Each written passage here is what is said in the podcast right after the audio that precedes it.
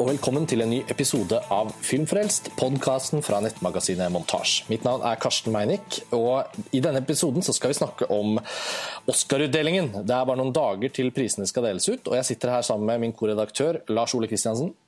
Hei, Karsten. Hei, Lars Ole. Og vi har med oss, eh, igjen får vi vel si, eh, Filmmagasinets filmkritiker Pernille Risbråte Egebjerg. Hei, hei, hei. hei. Så hyggelig. Nå er du jo på en måte Nå, nå trenger vi ikke liksom introdusere deg med sånn Du er gjest og velkommen til filmfest sånn. Nå begynner jo du å bli varm i trøya. Du var jo også på filmfestivalen i Berlin og har kommet eh, hjem igjen. Men i denne episoden så sitter vi på hvert vårt sted. Den tas opp over Skype. Eh, Pernille, du er i London alle steder, og Lars Ole er i Halden, og jeg er i Oslo. Så det er settingen. Så hvis det blir litt sånn sprakete Skype-lyd eh, underveis i denne episoden, kjære lyttere, så får dere bare bære over med oss.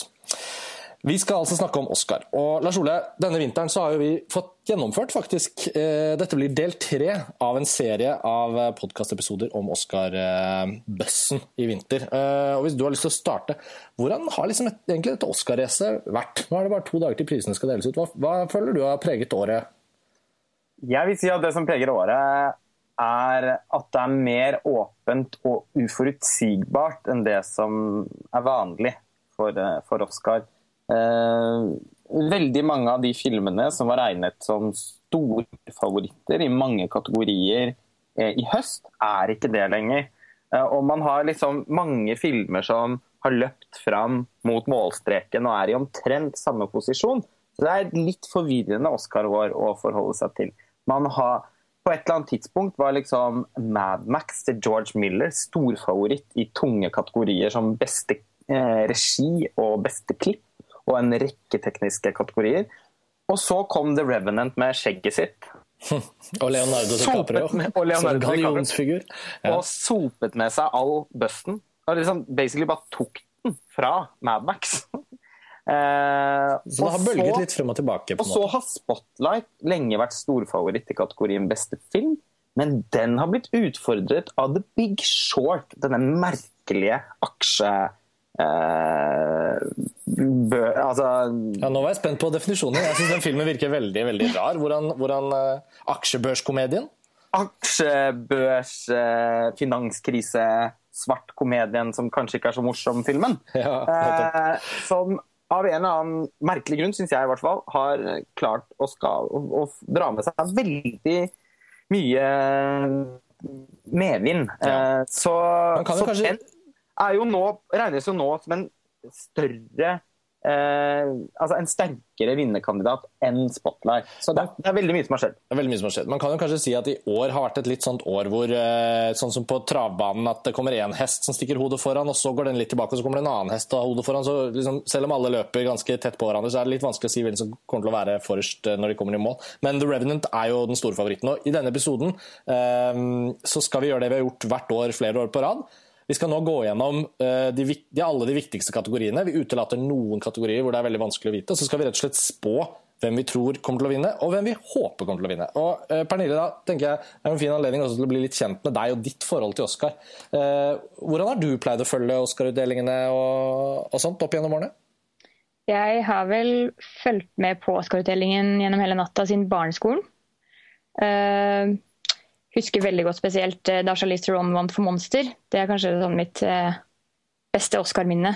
Mm. Uh, og så har jeg vært på den på Gimle når de har arrangert det, men jeg så det ikke skulle være det i år, så da blir det hjemme. Men jeg følger med hvert år.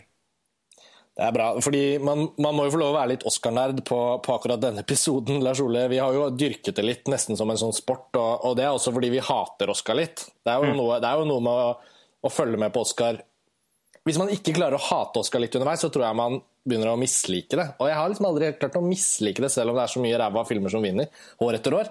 Man må, liksom, man må liksom finne en eller annen mellomposisjon hvor man syns det er litt gøy, nesten som en sport. Men at man også må tillate seg selv å hate Oscar litt. Men i år er det et sånt år hvor jeg kjenner at det har ikke vært så mye hat. Det er ikke så mange filmer å, å liksom virkelig si faen i helvete, den må ikke vinne.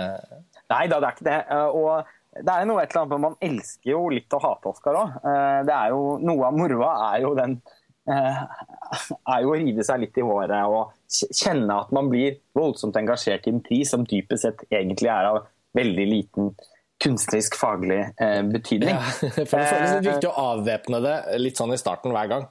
Og, men altså, det kan jo også være verdt å formidle til de av leserne, lytterne våre, som ikke har fått med seg dette på det tidspunktet hvor podkasten publiseres. Men eh, den tradisjonen som Montage har hatt å arrangere, med å arrangere Oscar-natt på Gimle sammen med Oslo kino, mm. eller Nordisk Filmkino, mm. den er da midlertidig avbrutt fordi at det ikke er eh, noen norsk kanal som skal sende Oscarshowet i år, og det kompliserer Eh, visningen eh, på gjør at det ikke er mulig å vise det på Gimle, da, dessverre. Ja, har vi, har finne, vi har egentlig prøvd å finne en løsning inntil det siste. Og, og, og dessverre blir jo konklusjonen at uh, Nordisk Film Kino på Gimle kan ikke vise uh, en sending fra et annet land, dessverre. Uh, så det måtte være en norsk TV-kanal. Ellers så ville de jo gått over i litt sånn pirat-TV-virksomhet, og det skjønner jeg jo at ikke de vil.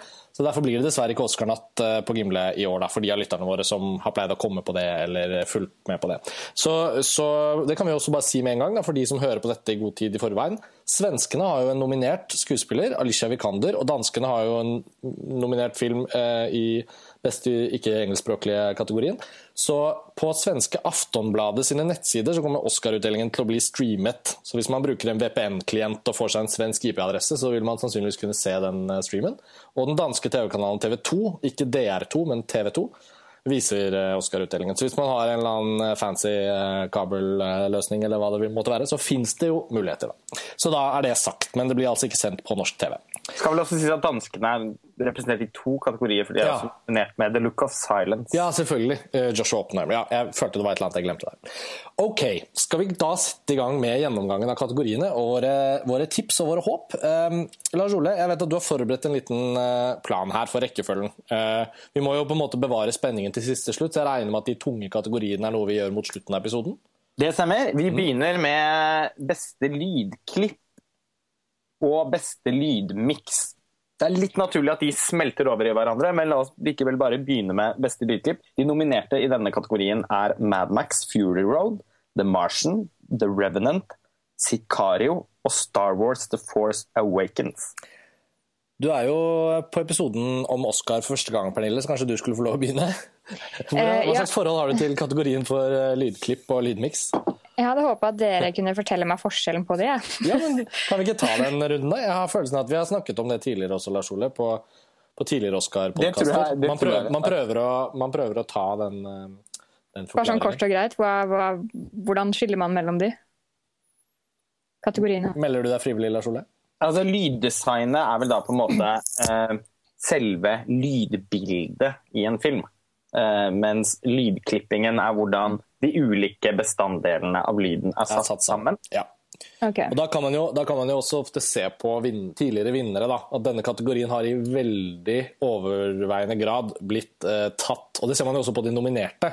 At her er det jo ofte litt av de store, kompliserte filmene som enten tilhører science fiction-sjangeren eller action-sjangeren. Altså, dette var jo typisk en kategori som The Matrix tok begge både sound editing og sound mixing i sin tid.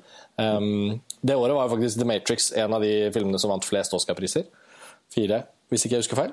Jo, det var samme liksom, sånn runde som Terminator 2 hadde i, i 92. Nettopp. Og, og, Skyfall tok vel også prisen for noen år siden? Jeg husker ikke. I hvert fall, det er, det er, ofte, og det ser vi også fra de nominerte. Da. Så for eksempel, for å bare begynne samtalen, da, en film som Mad Max Fury Road som jeg syns hadde en voldsomt imponerende sonisk dimensjon. Bare, en ting er jo musikken til Junkie XL, men, men, noe annet er jo på en måte bare hele det universets lydoperativsystem, uh, nesten. av maskiner og hjul og biler og sand og ørken. Og det føles veldig komplekst og veldig rikt. Og det kan man jo for så vidt si om Star Wars The Force Awakens også, som er en av de andre nominerte. At, at her er det et totalt fiksjonsunivers innenfor en science fiction-verden med, og der har jo Star Wars-filmene har jo også tidligere gjort det skarpt i den kategorien. Så, så det er jo en sånn, jeg føler det er et sånn typisk år for noen av de store filmene til å ta hjem lydklipp- og lydmiksprisen.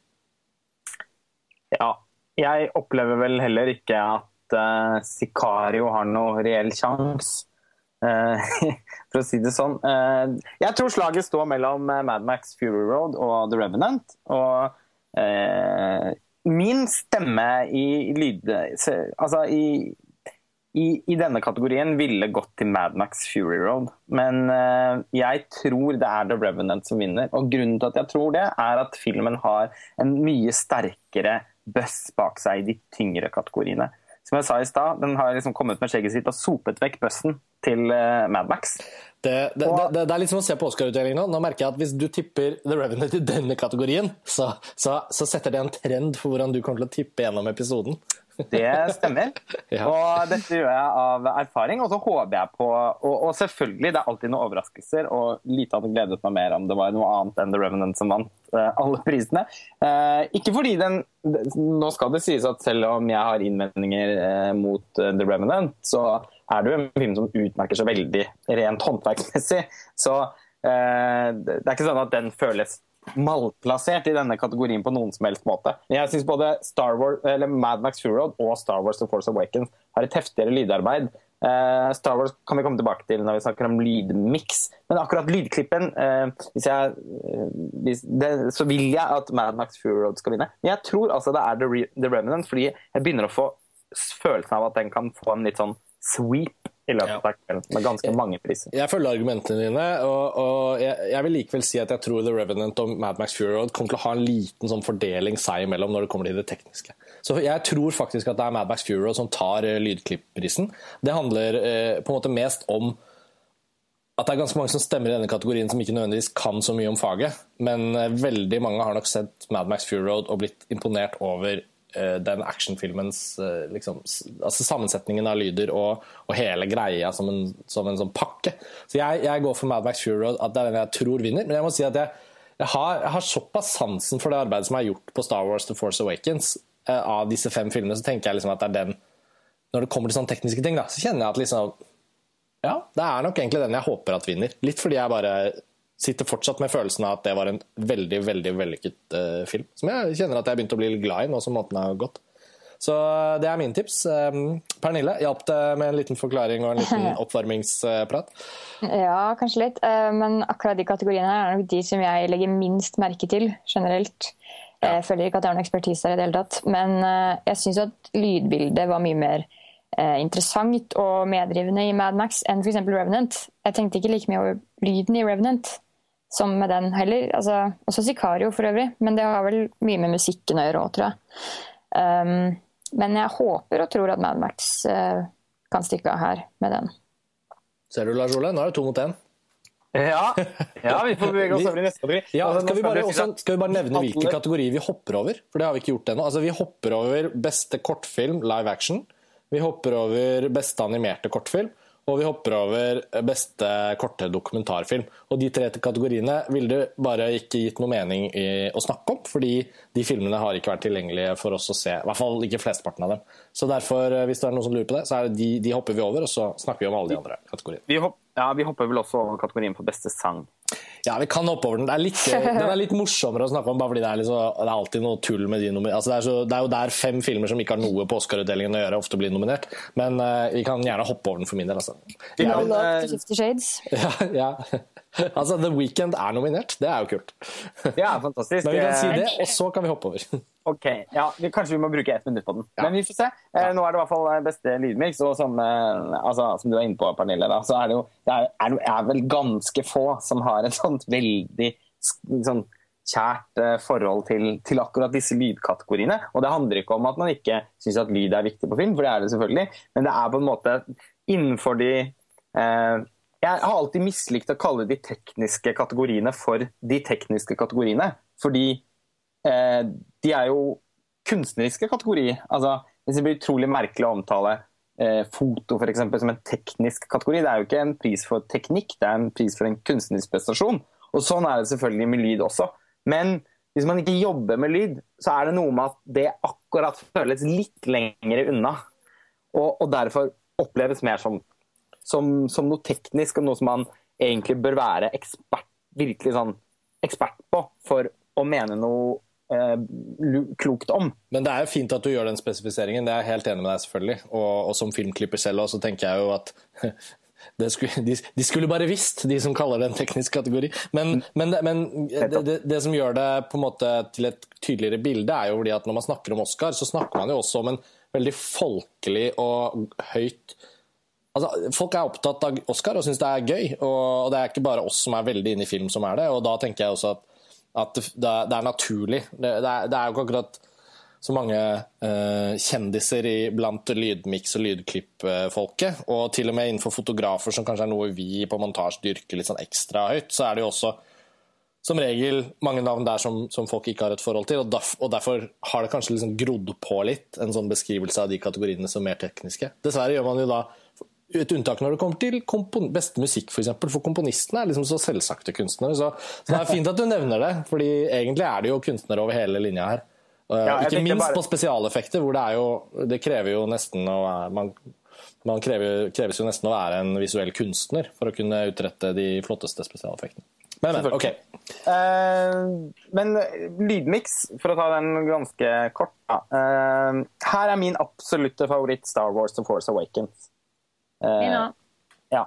Den har et helt fantastisk altså, et, helt, et, et lyddesign som, som, som, var noe av det mest slående jeg opplevde i en kinosal i fjor. Vi hadde også gleden av å se Star Wars The Force Awakens i Dolby Atmos på, på Filmens Hus eh, i Oslo da den ble vist for pressen.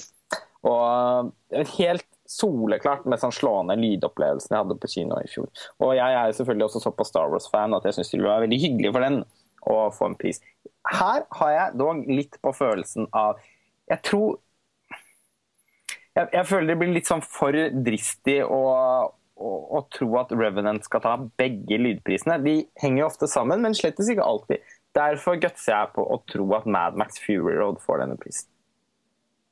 Ja, og du håper på Star Wars? Yes. Hvis vi tar samme rekkefølge, så kan jeg slenge meg på at for meg blir det jo da det samme som på lydklipp. Jeg, jeg, eh, det er ganske sjelden de splittes, eh, og her jeg tror faktisk det blir eh, det blir Mad Max på begge disse kategoriene i år.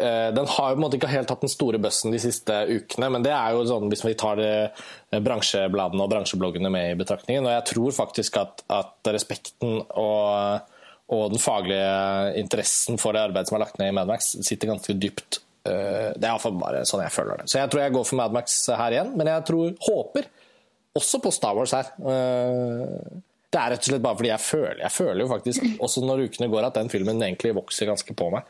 Så, så det, det, må bli eh, å håpe på Star Wars i de kategoriene hvor den, hvor den er nominert. Pernille? Ja, jeg håper som sagt på Star Wars, fordi de, er, de er lite nominert og fortjener noe anerkjennelse. Jeg tror egentlig ikke noe spesielt. Det kan være Mad Max, det kan være The Revenant. Revenant er såpass stor favoritt, så blir vel sikkert den. Men eh, ja, kan like gjerne være Mad Max. Håper på Star Wars. For det er jo noe med at eh, noe av hvert Oscar-år har liksom også, særlig etter at de innførte dette preferential ballot-systemet, så har det ikke blitt like mange sånne år hvor det er én film som vinner 8, 9, 10, 11 priser. Eh, men eh, Tidligere var jo det ganske vanlig, og da så man jo veldig ofte at altså egentlig, de filmene som tidligere gjerne vant Oscar for beste film, og som vant veldig mange kategorier, eh, de vinner jo stadig i veldig mange av kategoriene, men så mister de eh, de gjeveste prisene. Eh, det skjer år etter år. Ta f.eks. en film som 'Hugo' av Martin Scorsese, da, som vant i mange kategorier gjennom kvelden. Og, men som likevel ikke endte opp med å, å, vinne Oscar for beste film. Det var det jo The Artist som gjorde, selv om den totalt sett vant langt færre priser. 'Twelve Years a Slave' vant vel til sammen tre Oscar-priser. 'Argo' vant den ja, vant vel også tre. Mm. Uh, så det har liksom skjedd noe her. Uh, men det gir meg likevel en følelse da, av at uh, For hvis da The Rev Uavhengig av om The Revenant vinner beste film eller ikke, det skal vi komme tilbake til, så tror jeg nok den skal sope med seg ganske mye. Eh, I hvert fall i den første halvdelen av kvelden.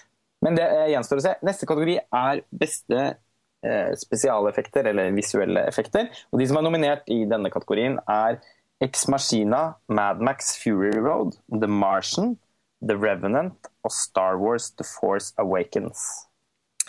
Ja. Um ja, også en kunstnerisk kategori, hvis vi skal nå bytte begrep. eh, nok en kunstnerisk kategori. Eh, jeg syns det er så hyggelig at Ex Machina er nominert. Ja, ja det syns jeg òg. For der syns jeg de visuelle effektene var helt formidabelt bra, selv om filmen er eh, liten i hermetegn sånn i forhold til episke ambisjoner. Eh, den er jo sånn Den er jo et kammerspill.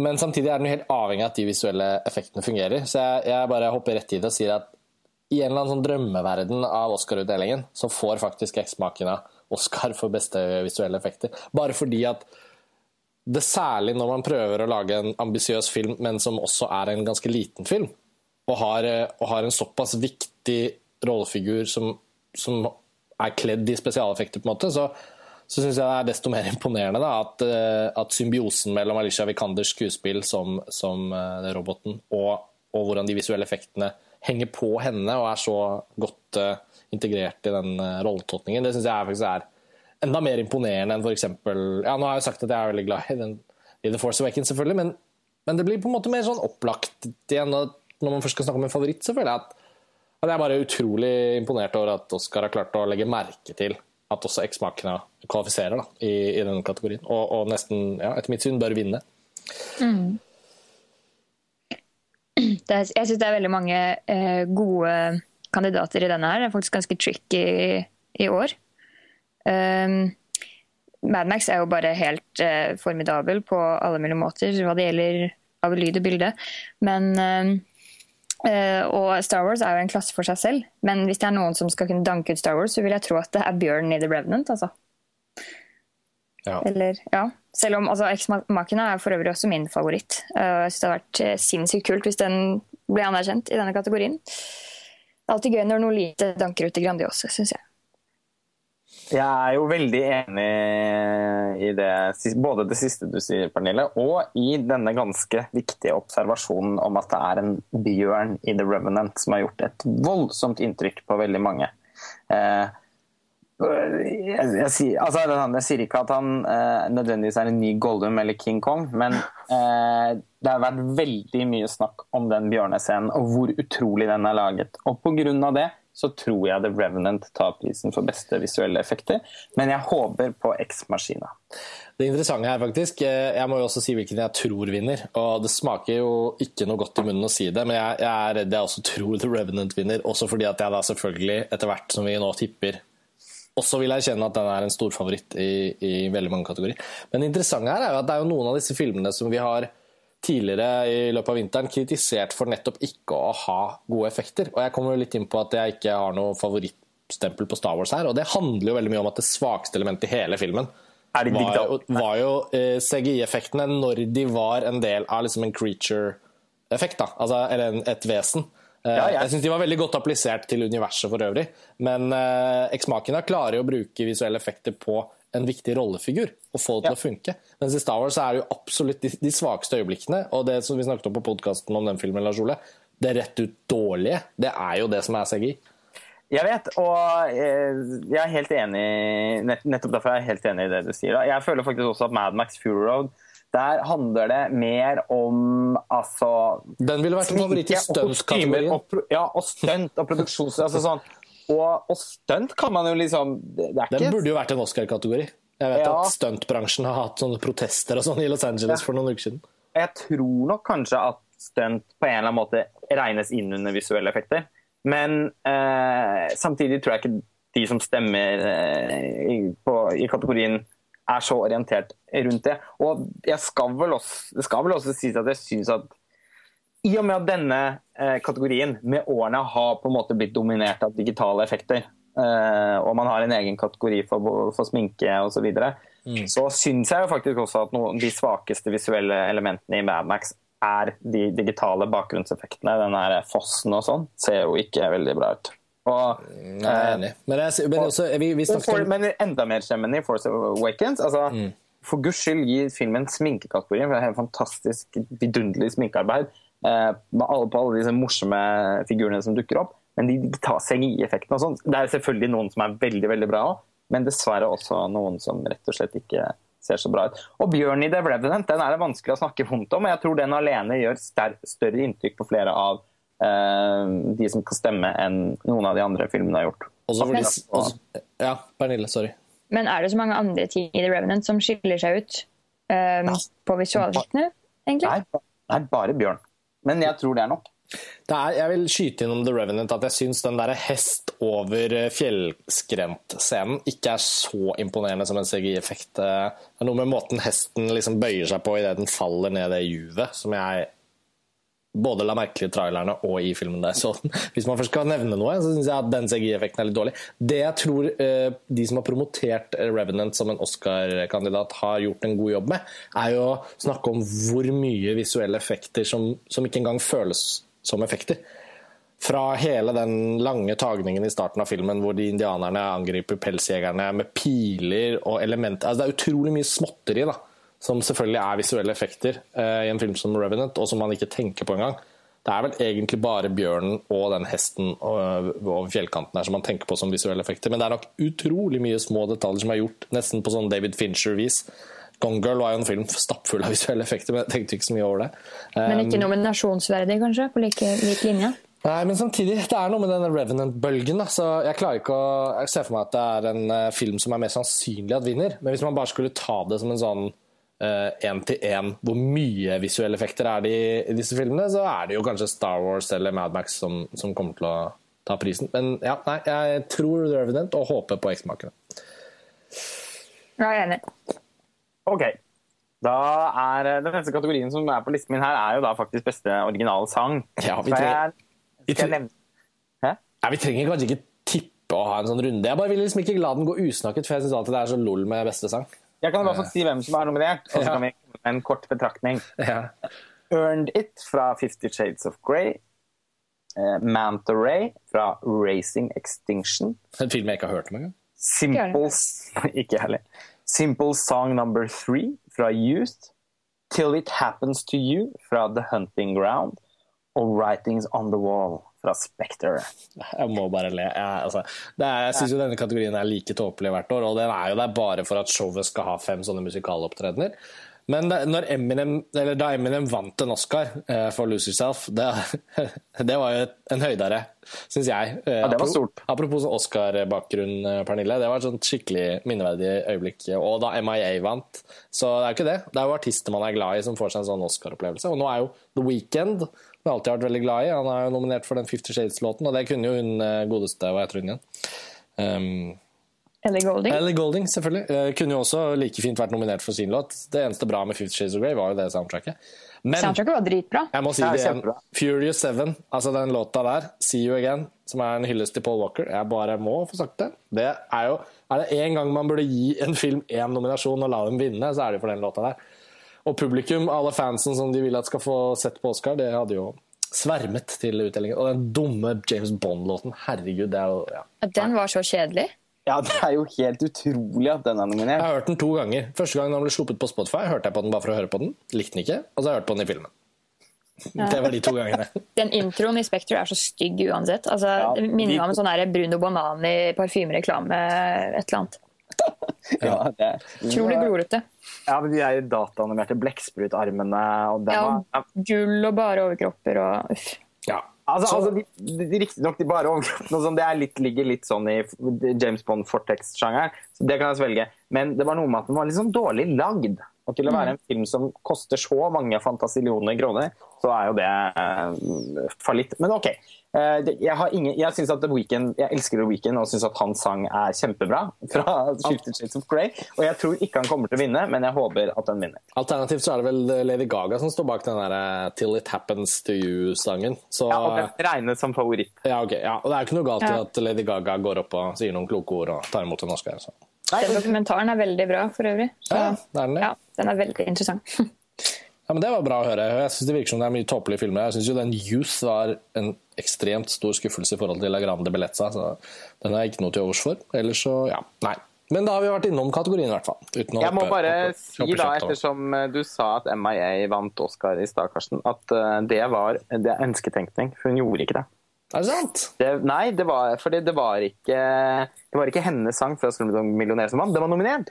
Men Ja, det var også ja. J-Ho. Ja, Og ok. det var J-Ho Ja. som vant til Ja. Rapp. Greit, du kunne la meg leve i, i uvitenhet eh, og, og huske det som at MI vant, men ja. For jeg syns også da J, eh, eller Osaya Saya er en enda bedre sang enn J-Ho. mm. Nei da, men det, det blir hyggelig å Det blir hyggelig å vokse opp med deg som far. Da kan man jo få knust alle drømmene sine. Nei, nei, jeg trodde jeg skulle leve resten av livet og vite at MIA hadde vunnet en Oscar, men nei da. Så da. da er det okay, bare Vi beveger oss smidig over i neste kategori, som er langt mer spennende, nemlig eh, kategorien for beste originalmusikk. Ja, da begynner det å smake fugl av eh, kategoriene. Det gjør det, og de nominerte er Thomas Newman for 'Bridge of Spice', Carter Burwell for 'Carol', Ennio Morricone for The Hateful Eight, Johan Johansson for Sicario og John Williams for Star Wars The Force Awakens. OK, Pernille.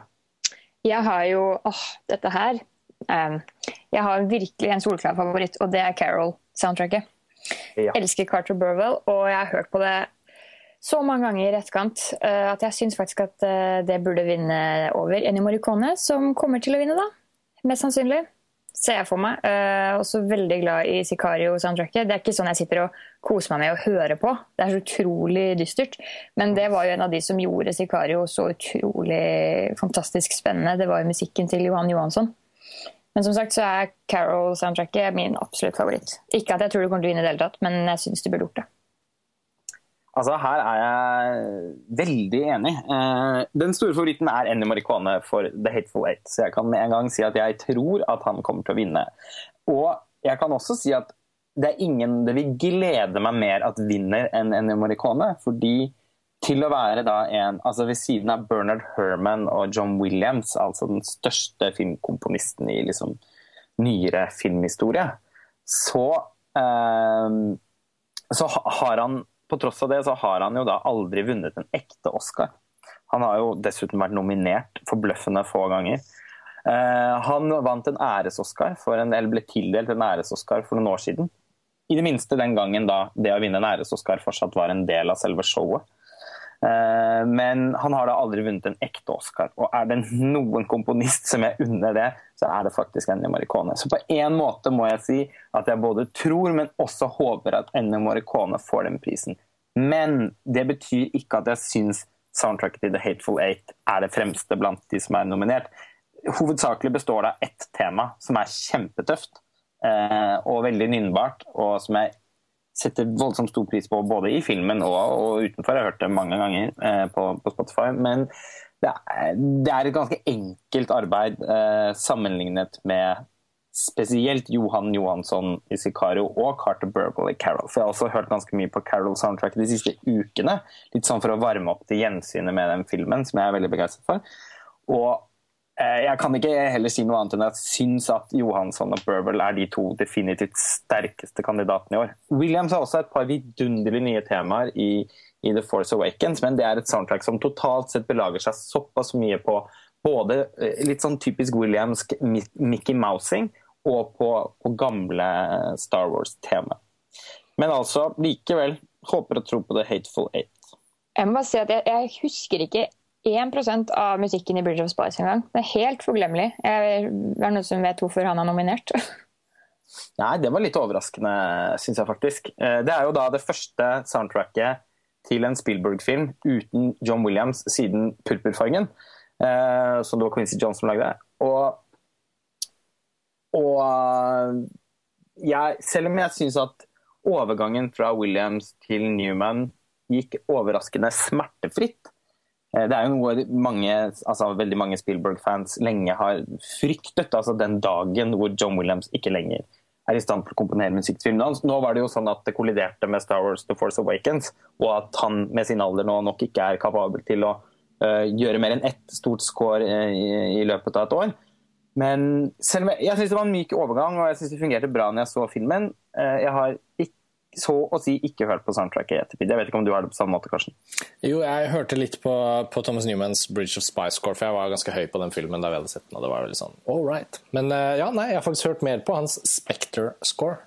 Så um, Han burde heller vært nominert for det, for det er faktisk ja, veldig bra. Faktisk, Det er jo også bedre enn filmen. Eh, er, men Bridge of Spice er bedre enn sitt score. på en måte. Og så er det jo, I ettertid så slår det meg at det, det er jo faktisk litt rart uh, å se en Spielberg-film uten John Williams musikk. Det må sies.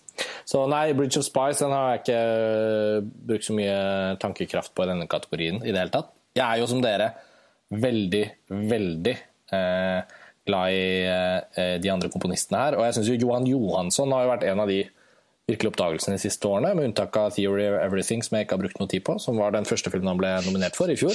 Så har jeg hatt mye, mye å gjøre med den andre musikken som Johan Johansson har komponert. Han er jo en islandsk komponist. og og både Sicario og Prisoners og noen av de andre liksom, mer sånn kunstalbumene han har laget, er altså så lytteverdige. Så hvis han hadde kommet inn fra venstre og tatt en Oscar-pris for Sicario, så hadde det ikke vært noe galt i det. Nei, Det hadde vært helt fantastisk morsomt. Ja, så det er jo litt sånn På en litt sånn, på en litt sånn øh, ertete måte så syns jeg kanskje jeg skal si at jeg håper at Johan Johansson tar den, bare sånn. Bare sånn fordi det er så spennende. Og jeg tror han kommer til å ha veldig stor, stor påvirkningskraft på ganske mange andre komponister med de tingene han har gjort. Uh, jeg klippet en film som heter 'Natt til 17', og da, allerede da så brukte vi Johan Johanssons musikk fra 'Prisoner' som skissemusikk til flere sekvenser, og var veldig inspirert, faktisk. Og, og jeg tror det påvirket komponisten også. Så, så, jeg vet liksom at det har hatt en veldig sånn tett effekt på, på noen av oss, i hvert fall, Og hører veldig veldig mye på den musikken han har komponert. Og det er litt sånn som ja, noen av disse andre gutta her, da, Morricone og Williams, har, har, veldig, har hatt en veldig stor påvirkning. Eh, Carter Burwell har jeg kjempesansen for, ikke minst fordi han har komponert så mye corny og morsom musikk til filmer jeg er veldig glad i, som Adaptation f.eks., eh, som eh, har et score som jeg har hørt mye på, men som er jo et score som aldri trekkes fram i noen sammenheng. Så, og han har komponert for Cohn-brødrene. Ja. Så Carter Burwell og Ennio Morricone er jo veldig sånn due begge to, da. Ja, det burde ha stort mer du enn han. Nei, nei, nei ja, nå skulle jeg jo si andre del av setningen, eh, altså, men det er jo umulig å, å, å, ikke ville at Ennio Morricone etter en så formidabel karriere ikke skal få en ordentlig Oscar. Og eh, selv om han har sagt at han skal komponere musikken til Tarantinos neste film også, så tenker jeg at det er vel her har de muligheten til å gi Ennio Morricone en ordentlig Oscar, og jeg tror de kommer til å gjøre det. Jeg, jeg tror, det, tror det blir Morricone. Jeg har lyst til å se han med de colabåndbrillene der oppe på scenen. De thank you, thank you. Ja, hvis de gir den til John Williams i, i, i trynet på Ennio Morricone Og John Williams som har liksom 3000 Oscarer, det hadde vært dårlig, dårlig stil. Men vi får se. Jeg visste, ikke at, jeg visste ikke at Ennio Morricone aldri hadde vunnet noe. Jeg regna nesten med det, for han er jo en fossil. Men uh, siden han ikke har gjort det, så syns jeg også at det er veldig fortjent. Fordi jeg syns jo at Hateful Eight-soundtracket var utrolig bra. Um, selv om eh, Carol er favoritten min, så, så, blir jeg også glad hvis Ennio Morricone vinner, da. Paradokset for øvrig med Carter Burrell er at Carol er den første filmen han er nominert til Oscar for. Det er også ganske utrolig. Han har også veldig bra musikk til Anomalisa, syns jeg. Ja, absolutt. Det er liksom i vinden. Mm. Men, men, betyr dette at Carter Burrell ikke var nominert for Fargo? Det er altså en så stor gåte. Og det må jeg legge meg ned og tenke på. etter at denne podcasten er Tenk så bra musikken i Fargo er. ja. ja, nei, ok. Ja. Men tenk også på dette da, at Ennio Morricone som sagt, han har ikke vært nominert så fryktelig mange ganger. Jeg tror han nominert seks eller syv ganger. Ja, Til å ha komponert, komponert så mye betydningsfulle filmer. Ja. Over så mange tiår. Tenk, tenk, tenk på det at han ikke var nominert for soundtracket til Once Upon a Time in America, som jo kanskje er det beste soundtracket som noen gang er lagd. Ja, det er jo, ja, det er jo ja, nei. Nå må vi ikke begynne å gråte. Nei. Så komme oss videre. Vi får hoppe videre, men da har vi fått sagt en del om det. i hvert fall. Det er jo en litt sånn følsom kategori, det der med musikk. Hjertekategori. Ja. Eh, neste kategori, beste produksjonsdesign. Og de nominerte her er da Bridge of Spice, The Danish Girl, Mad Max Fury Road, The Martian og The Revenant. Jeg kan godt begynne her. Jeg, for, jeg, jeg, forsøker å sette tonen ved å ikke bruke så mye tid på å prate som jeg gjorde i forrige kategori. Eh, her er det jo egentlig eh, Ja, det er en film jeg ikke har sett da, The Danish Girl. Eh, og den tror jeg ikke jeg kommer til å se heller. Men jeg tror ikke den kommer til å være en konkurrent i denne kategorien. Dette er en kategori som som regel kan bli vunnet av en favoritt til beste film hvis det også er en ganske stor film. Og The Revenant er jo en stor film, og pga. at den foregår utendørs nesten hele tiden og er så på en måte i hermetegn realistisk innenfor sin tidsepoke og sitt univers, så er det nesten som man glemmer å tenke på hvor usedvanlig bra tilrettelagt eh, den filmen er da, for kamera. For kamera beveger seg jo ofte 360 grader rundt, veldig fritt. Eh, alltid overgangslys og alt dette som vi har hørt om filmen og Emanuel Lubeskis arbeid. og sånn. Da tenker jeg at Jack Fisk, den legendariske produksjonsdesigneren, og han har vel jobbet med en som heter Hamish Purdy på Revenant. Eh, det er egentlig helt utrolig hva de har gjort der. Så jeg tror faktisk at den kommer til å ta denne prisen. Selv om det ikke er sånn Det er ikke så veldig produksjonsdesignet sånn én til én at man kan ikke liksom se det. Men pga. at det også er en periodefilm, så vet jo alle at det er jobbet så mye med det. Uh, så jeg tror den går til å vinne. Uh, jeg håper vel kanskje litt at den vinner. Jeg har ikke noen sånn sterke følelser for, no for, noen av de andre. Bridge of Spies er selvfølgelig utrolig flott produksjonsdesignet, men nei. Jeg tror jeg går for The Revenant her.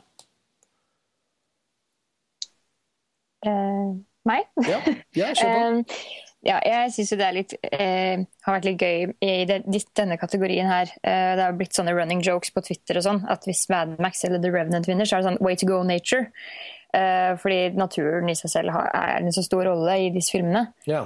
Ørken og skog, liksom. Ja, men, ja, um, men samtidig så ser man jo at det ligger jo mye planlegging bak det her. og ting skal jo iscenesettes og virke troverdig og fint og flott og egent og alt det der. Eh, jeg syns jo at eh, om det er noe i The Danish Girl som er bra, så er det produksjonsdesignet. Faktisk. Eh, det er ikke favoritten min.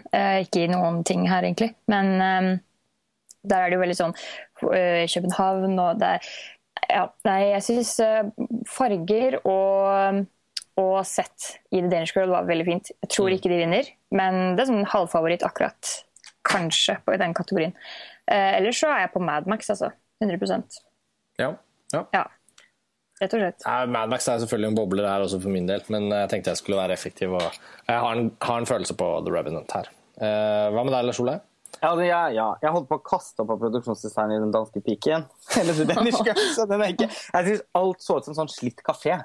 Med sånn mersalg av, av, av nips og husflidartikler. Og, alt man så i København omtrent, var sånne utsnitt fra Nyhavn, som minner om dette skriver jeg i omtalen min, som ser ut som sånne eh, ting man finner i sånn inflight-magasiner.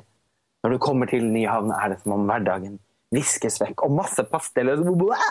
Eh, særlig i forhold til eh, hva slags historie filmen skulle forsøke å fortelle.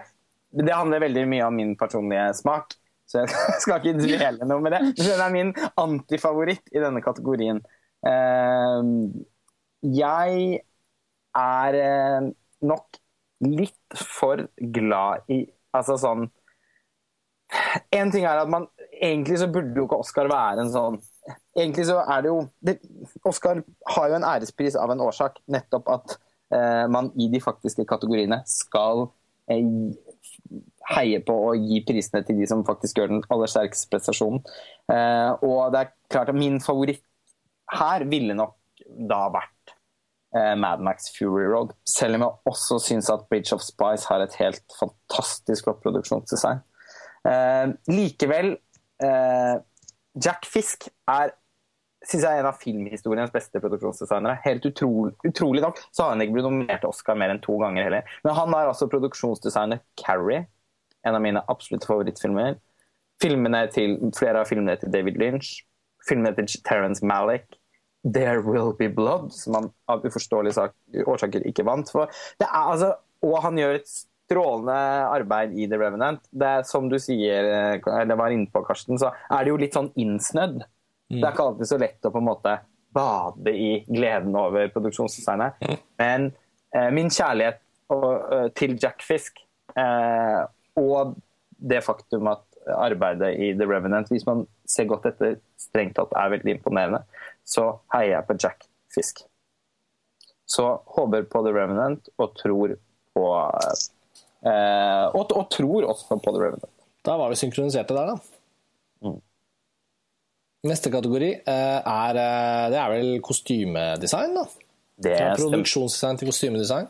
Det stemmer. Eh, og de nominerte her er da Carol, Cinderella, The Danish Girl, Mad Max Fury Road og The Revenant. Her er det verdt å nevne da at Sandy Powell, eh, en av de største kostymedesignerne i ny filmhistorie, eh, er nominert i, for to filmer, både Carol og Cinderella. Og hun har vel vunnet ja, i hvert fall tre Oscar fra før. Tror jeg.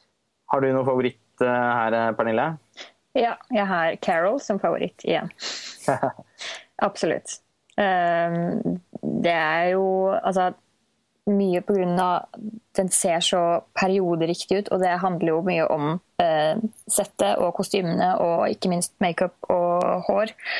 Um, Og jeg bare syns at den var så utrolig eh, Hva skal man si? Rett og slett nydelig. og det Ja, nei. Jeg ble sånn rett og slett litt amazed av eh, hvordan alt så ut. Um, men det vil, kunne jeg også sagt om Brooklyn. Den, eh, den syns jeg skulle vært med i denne kategorien. Syns jeg mangler, faktisk. Mm. Ja, jeg kan si meg enig. Den er veldig flott gjort. Og den er litt sånn nedtonet på samme måte som Carol også er det. Selv om Carol selvfølgelig bare spruter over av periodelook, da, så syns jeg altså de har klart å, å, å ikke, ikke, gjøre det for mye, sånn at det blir en klisjé. Ja, jeg skjønner egentlig Nå er jeg sikkert veldig stygg, men jeg skjønner egentlig ikke hva The Revenant gjør i denne kategorien. Nei, det skjønner ikke jeg heller. Fordi at den får så sykt mye. Kan de ikke bare slippe unna denne, da? Fordi de der, altså... ah, de der McCabe Miss Miller-aktige pelsene og noe Lag på lag om én farge. Altså, det...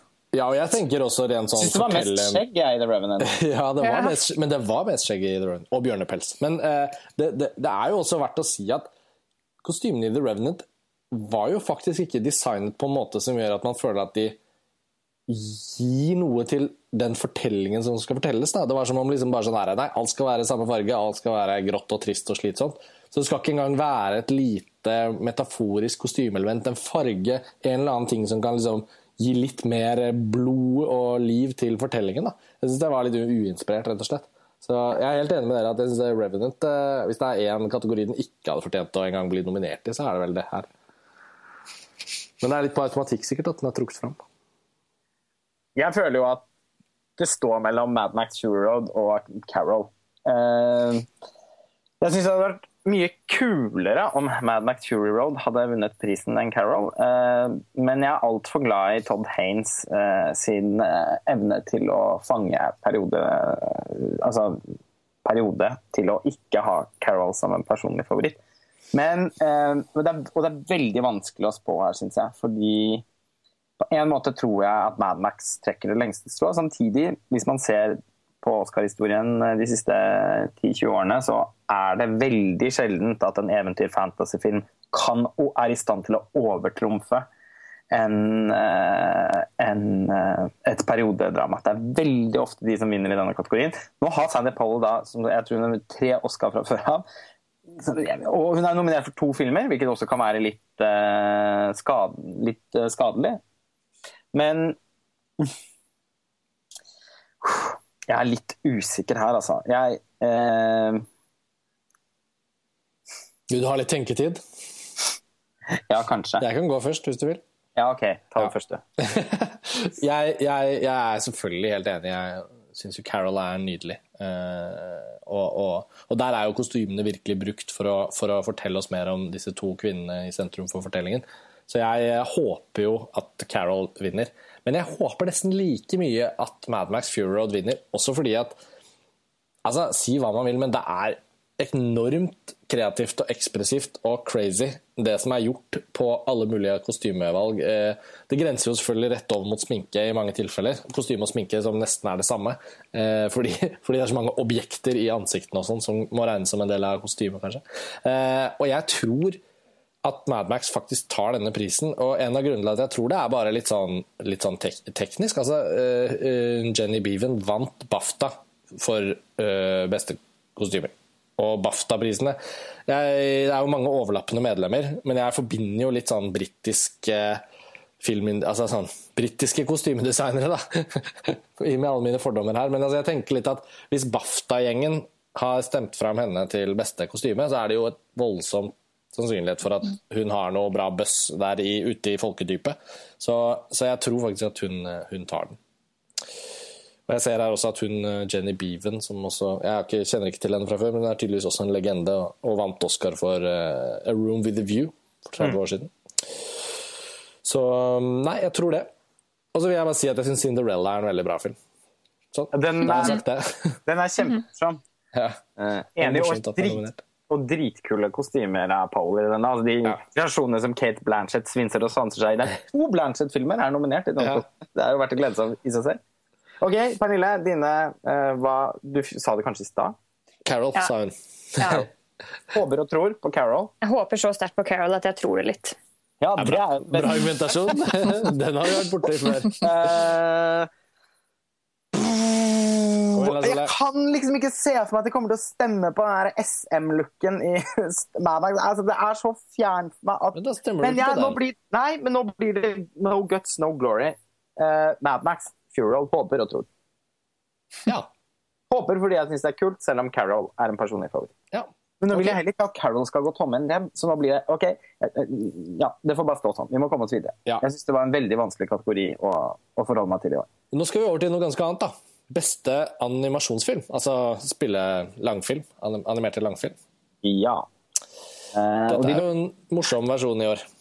ja, de nominerte er Animalisa, Boy and the World, Inside Out, Shaun the Sheep Movie og Studio Ghibli-filmen When Marnie Was There, som snart eh, kommer på norske kinoer eh, via Arthouse. Jeg vet ikke med dere, jeg har bare sett Anomalisa og Inside Out. Er det noen av dere som har sett de andre?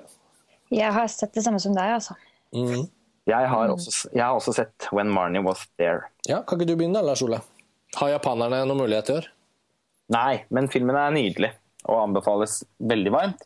Men den er eh, nok for liten i, denne, i dette selskapet. Her er det én veldig, veldig tung favoritt, eh, som er Inside Out. Eh, og selv om jeg set, også setter stor pris på originaliteten eh, bak liksom, måten å bruke animasjon på i Animalisa, så syns jeg totalt sett eh, Inside Out er ikke bare en mer helstøpt eh, og egentlig også mer tankevekkende film, men en jeg syns det er den, altså, jeg synes det er sånn et, et, Vi har jo snakket om dette i tidligere podkaster òg, men jeg syns det er virkelig sånn comeback for Pixar.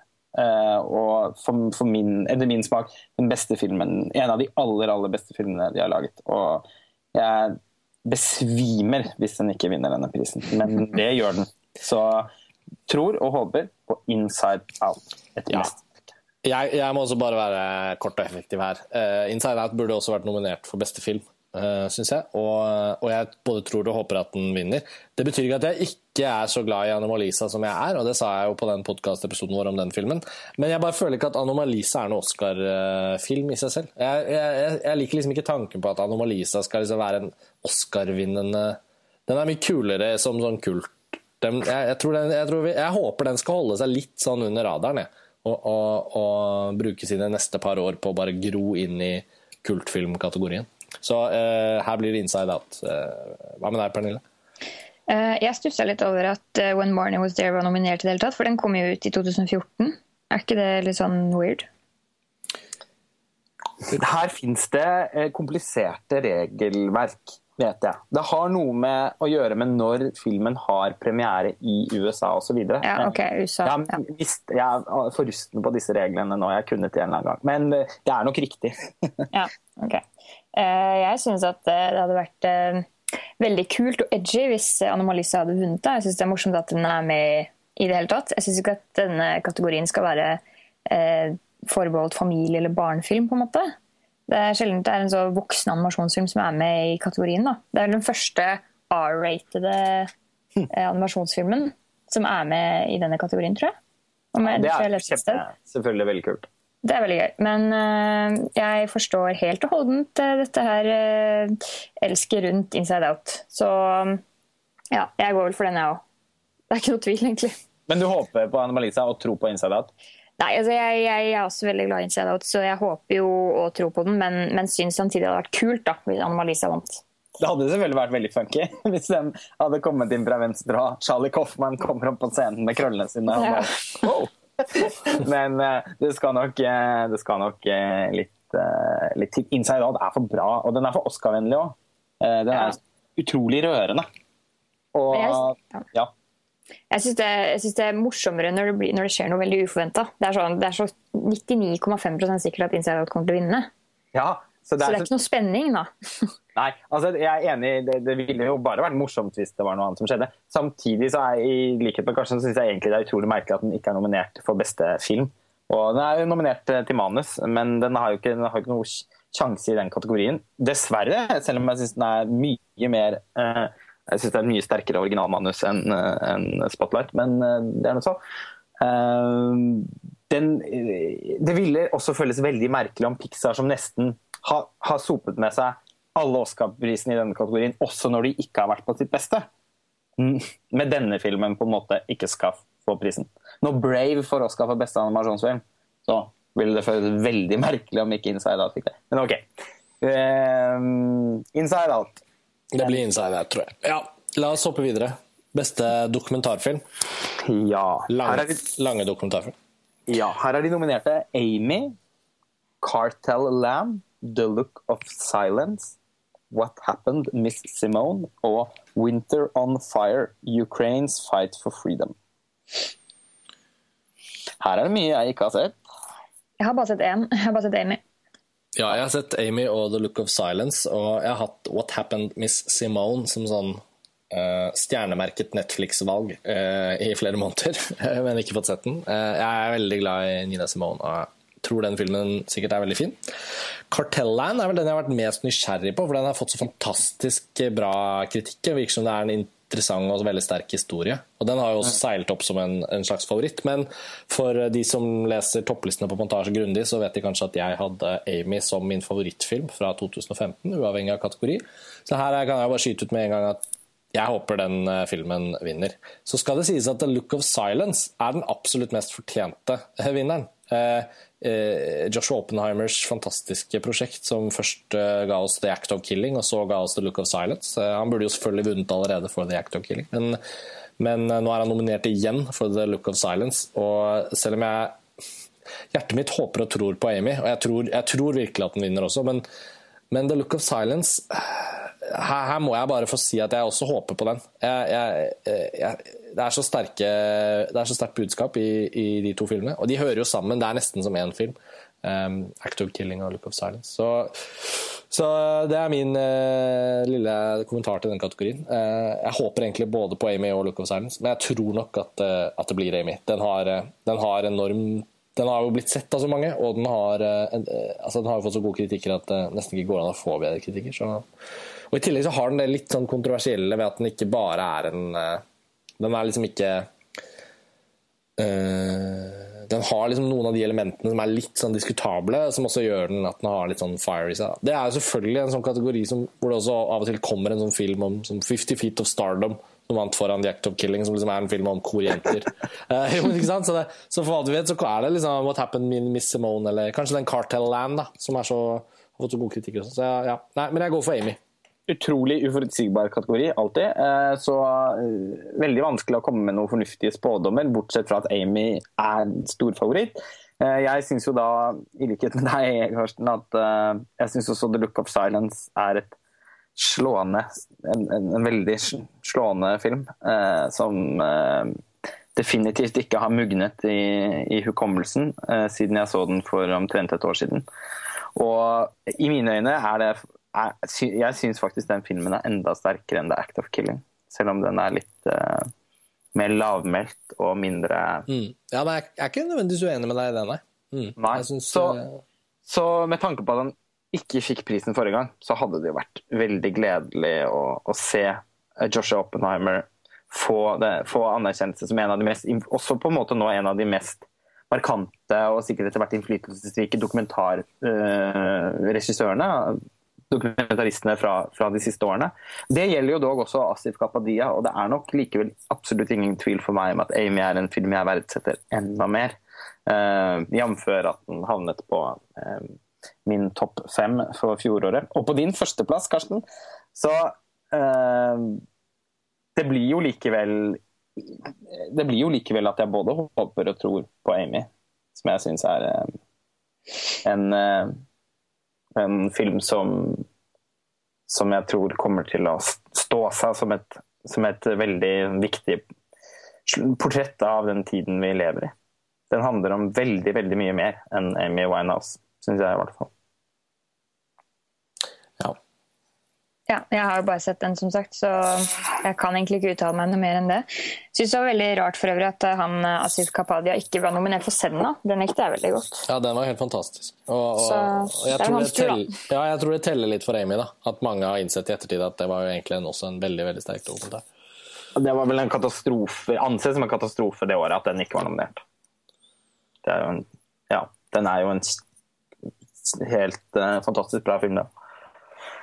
Her, det, her var det Amy-stemning. Så vi får komme, komme oss videre til beste ikke-engelskspråklige film. Favorittkategorien min. ja. ja, de nominerte i denne, og en av de alltid en av de vanskeligste å forutse. Uh, hvis vi snakker om at dokumentarfilmkategorien kan være uforutsigbar, så er jo beste ikke-engelskspråklige film var jo i hvert fall i en ti års tid eh, helt spektakulært uforutsigbar.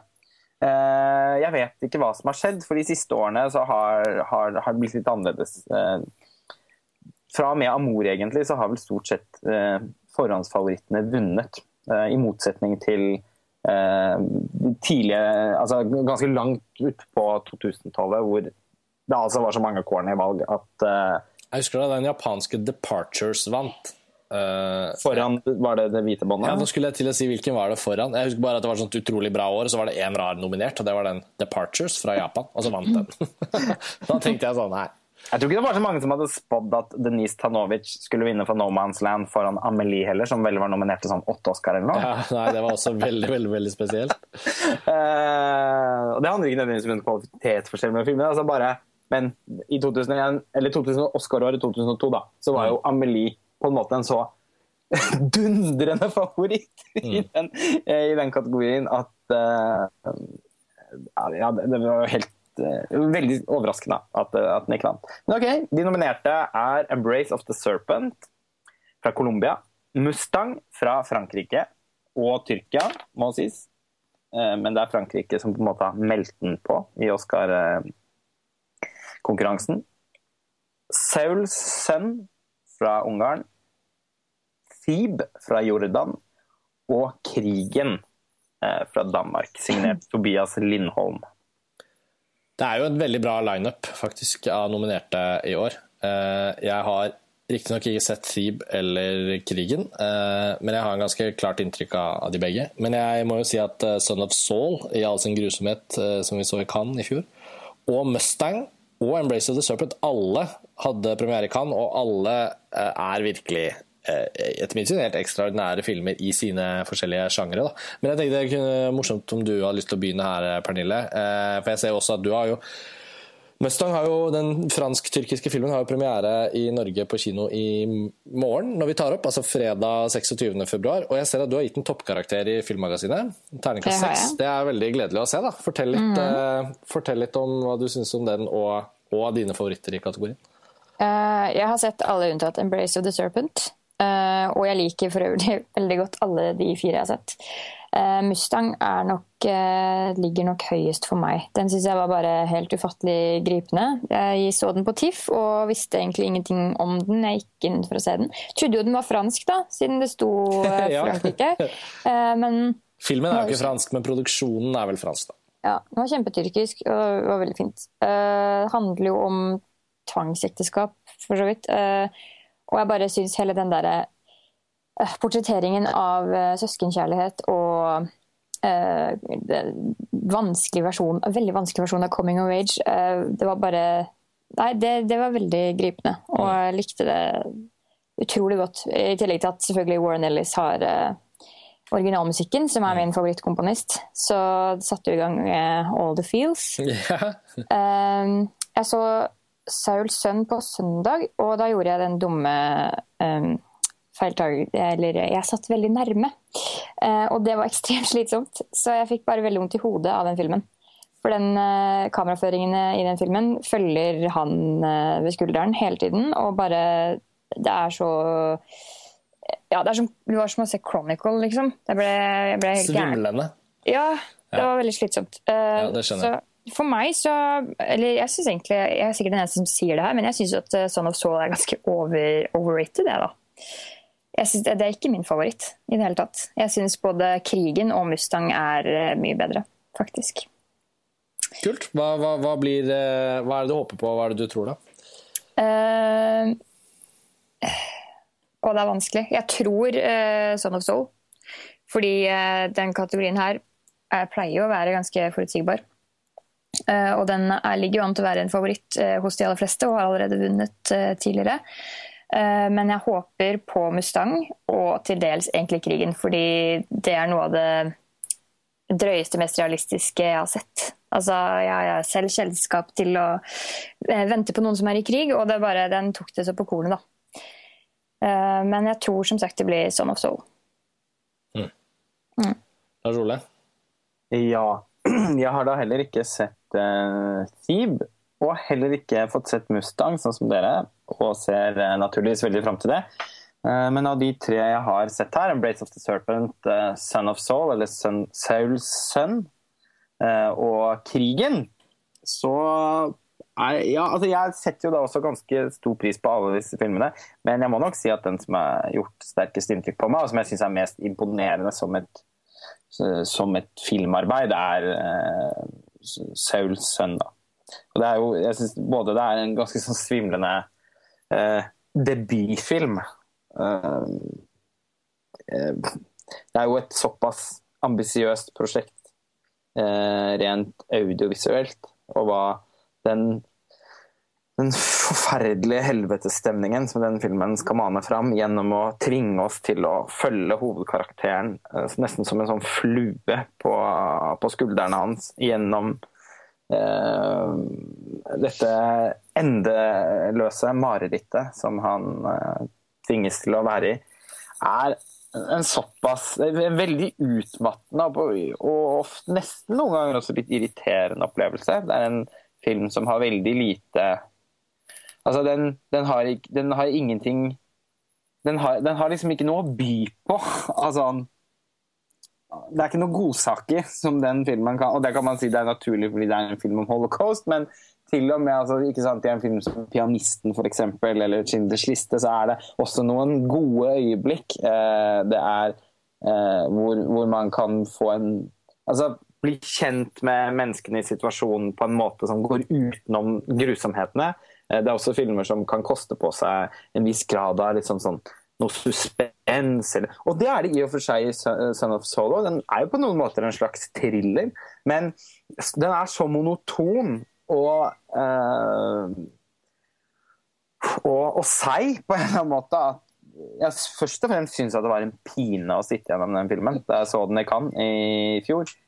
Samtidig så kan jeg ikke noe annet enn å beundre det den gjør. Og på en eller annen merkelig måte så ser jeg litt fram til å, til å ta et gjensyn, nå som den er på norske kinoer.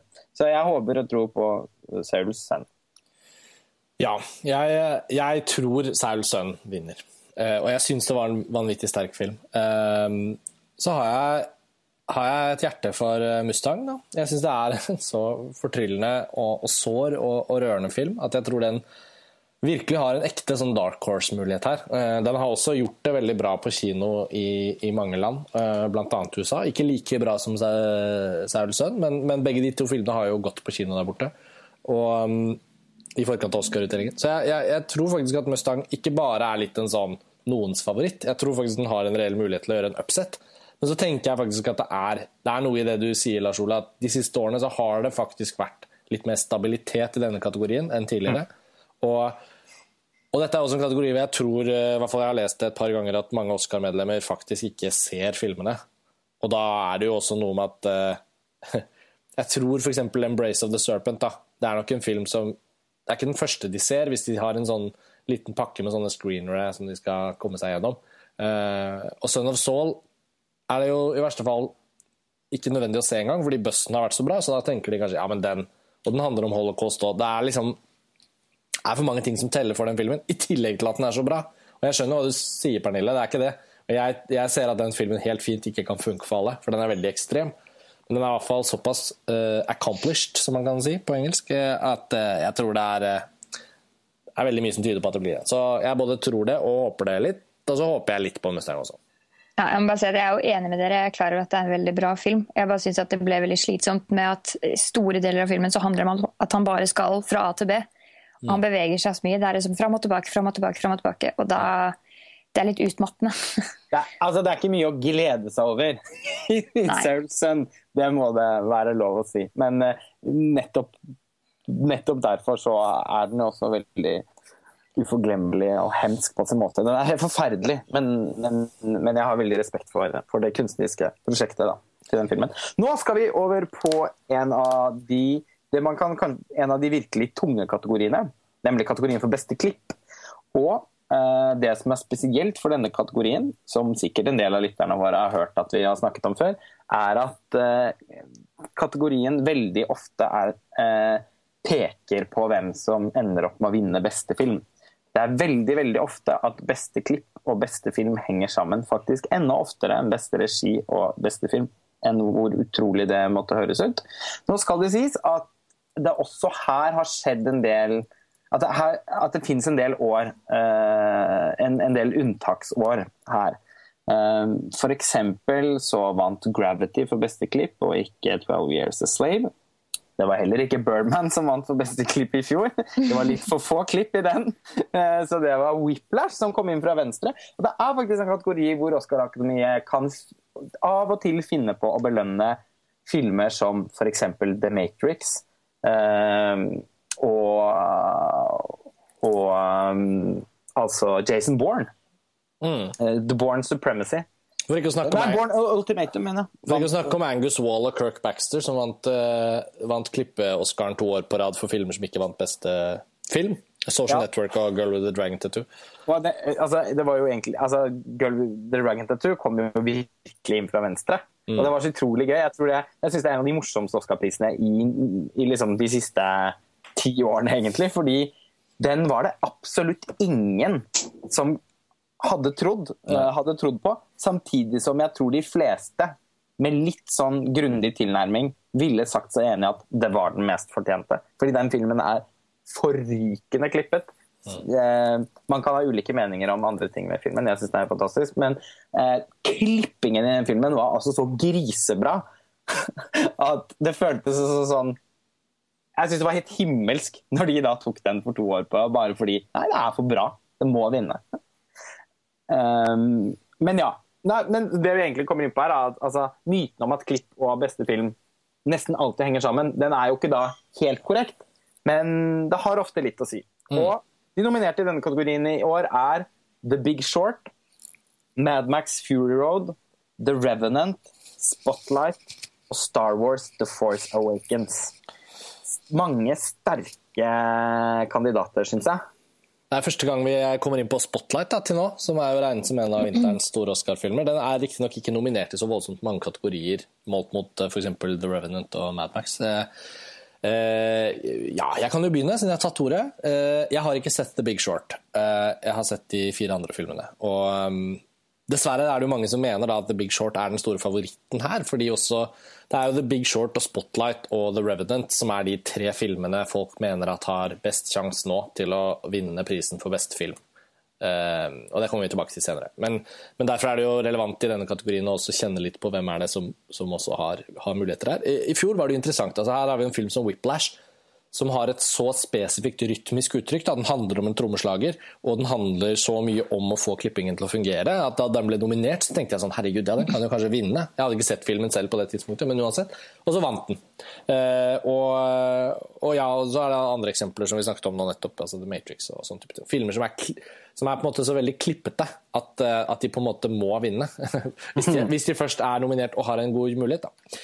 Eh, en film som 'Spotlight' kan man jo snakke om som så uh, rolig og bare grundig fortalt, og bare sånn alt bare fungerer. Men den er veldig lite sånn ekstraordinært fotografert. Den er veldig lavmælt i, i, mange elementer. Og klippingen er nesten sånn at man ikke merker det. Men da jeg så den filmen, uh, uh, ble jeg veldig veldig imponert. Jeg ble både veldig rørt av filmen syntes den var veldig bra. Men jeg syns også klippingen var sånn ikke kanskje på et sånt klipp-til-klipp-basis, men på en sånn strukturell måte som handler om flyt og rytme og sånne type ting. Så jeg synes det er veldig imponerende gjort i Spotlight. Når det er sagt, så tror jeg eh, en litt sånn showy klippefilm eh, tar klippeprisen i år. Og det kan jo hende det er The Big Short, hvis den er litt sånn showy klippet. Jeg vet ikke, det får dere si noe om. Den er det. Men, ja, men jeg, jeg, knapp, holder likevel en knapp på Mad Max Fury Road her. I, jeg, tar, eh, jeg trekker det um, The Matrix-kortet og tenker at her er det Det er noe med at hele filmen er en eneste lang actionsekvens. Og, og det at den faktisk henger sammen og, og, funker, har så mye med klippingen å gjøre. Så jeg synes, eh, Og det mener jeg også bare rent faglig er enormt imponerende klipping. Jeg både håper og tror at Margaret Sixel vinner den prisen. Så får vi se. Lars Ole? Skal jeg uh... Gå først, du. Nei, kan ikke du gå først? Ok, jeg kan gjøre det. Uh, jeg likte veldig godt Spotlight og ble rørt av den, sånn som deg, Karsten. Men uh, jeg la kanskje minst merke til klippen i den av alle de som er nominert her.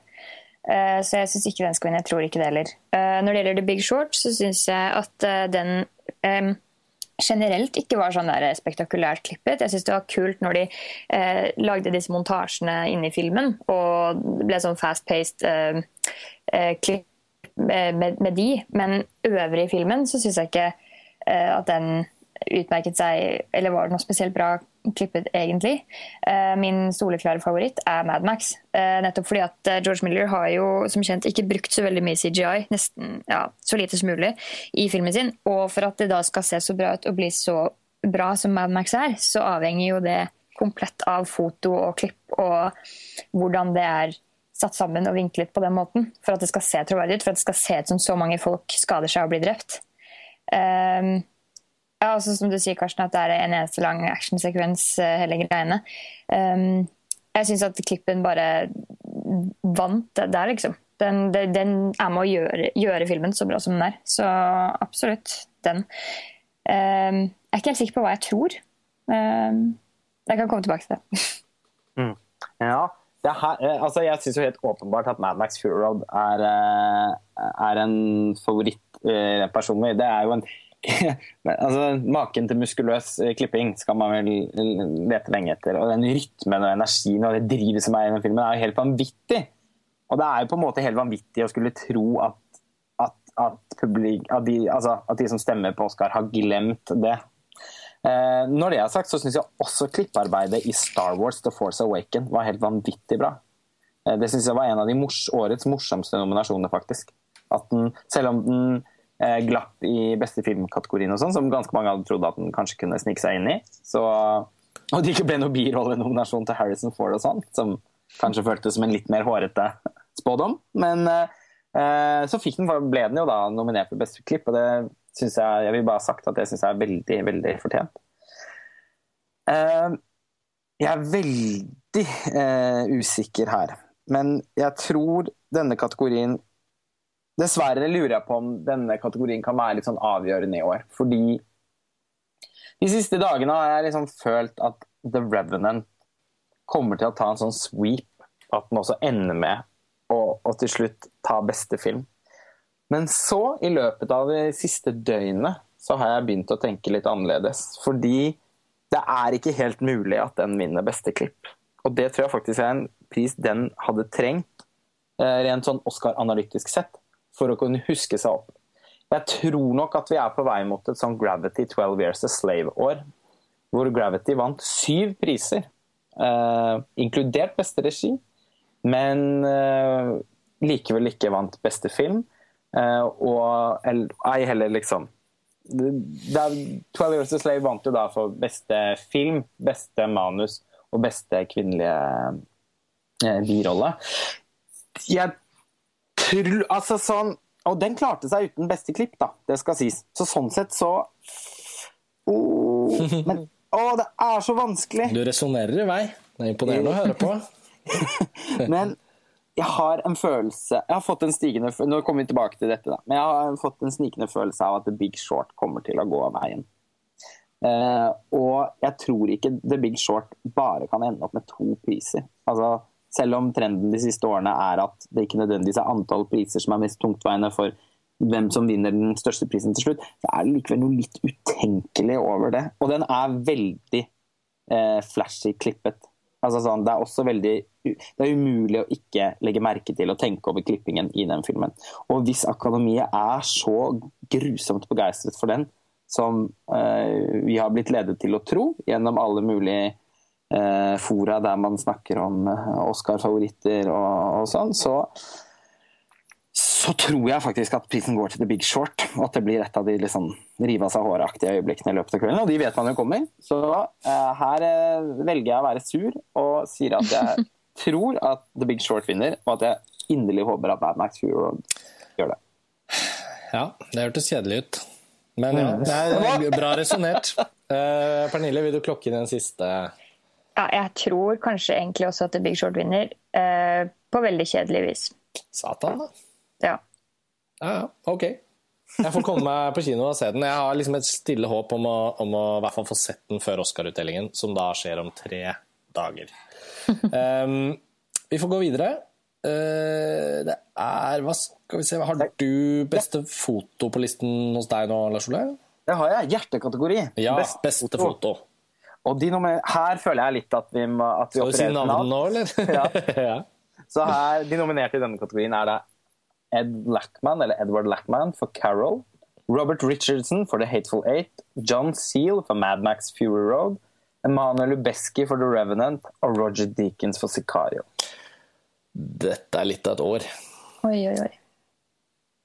Oh la la. Ja.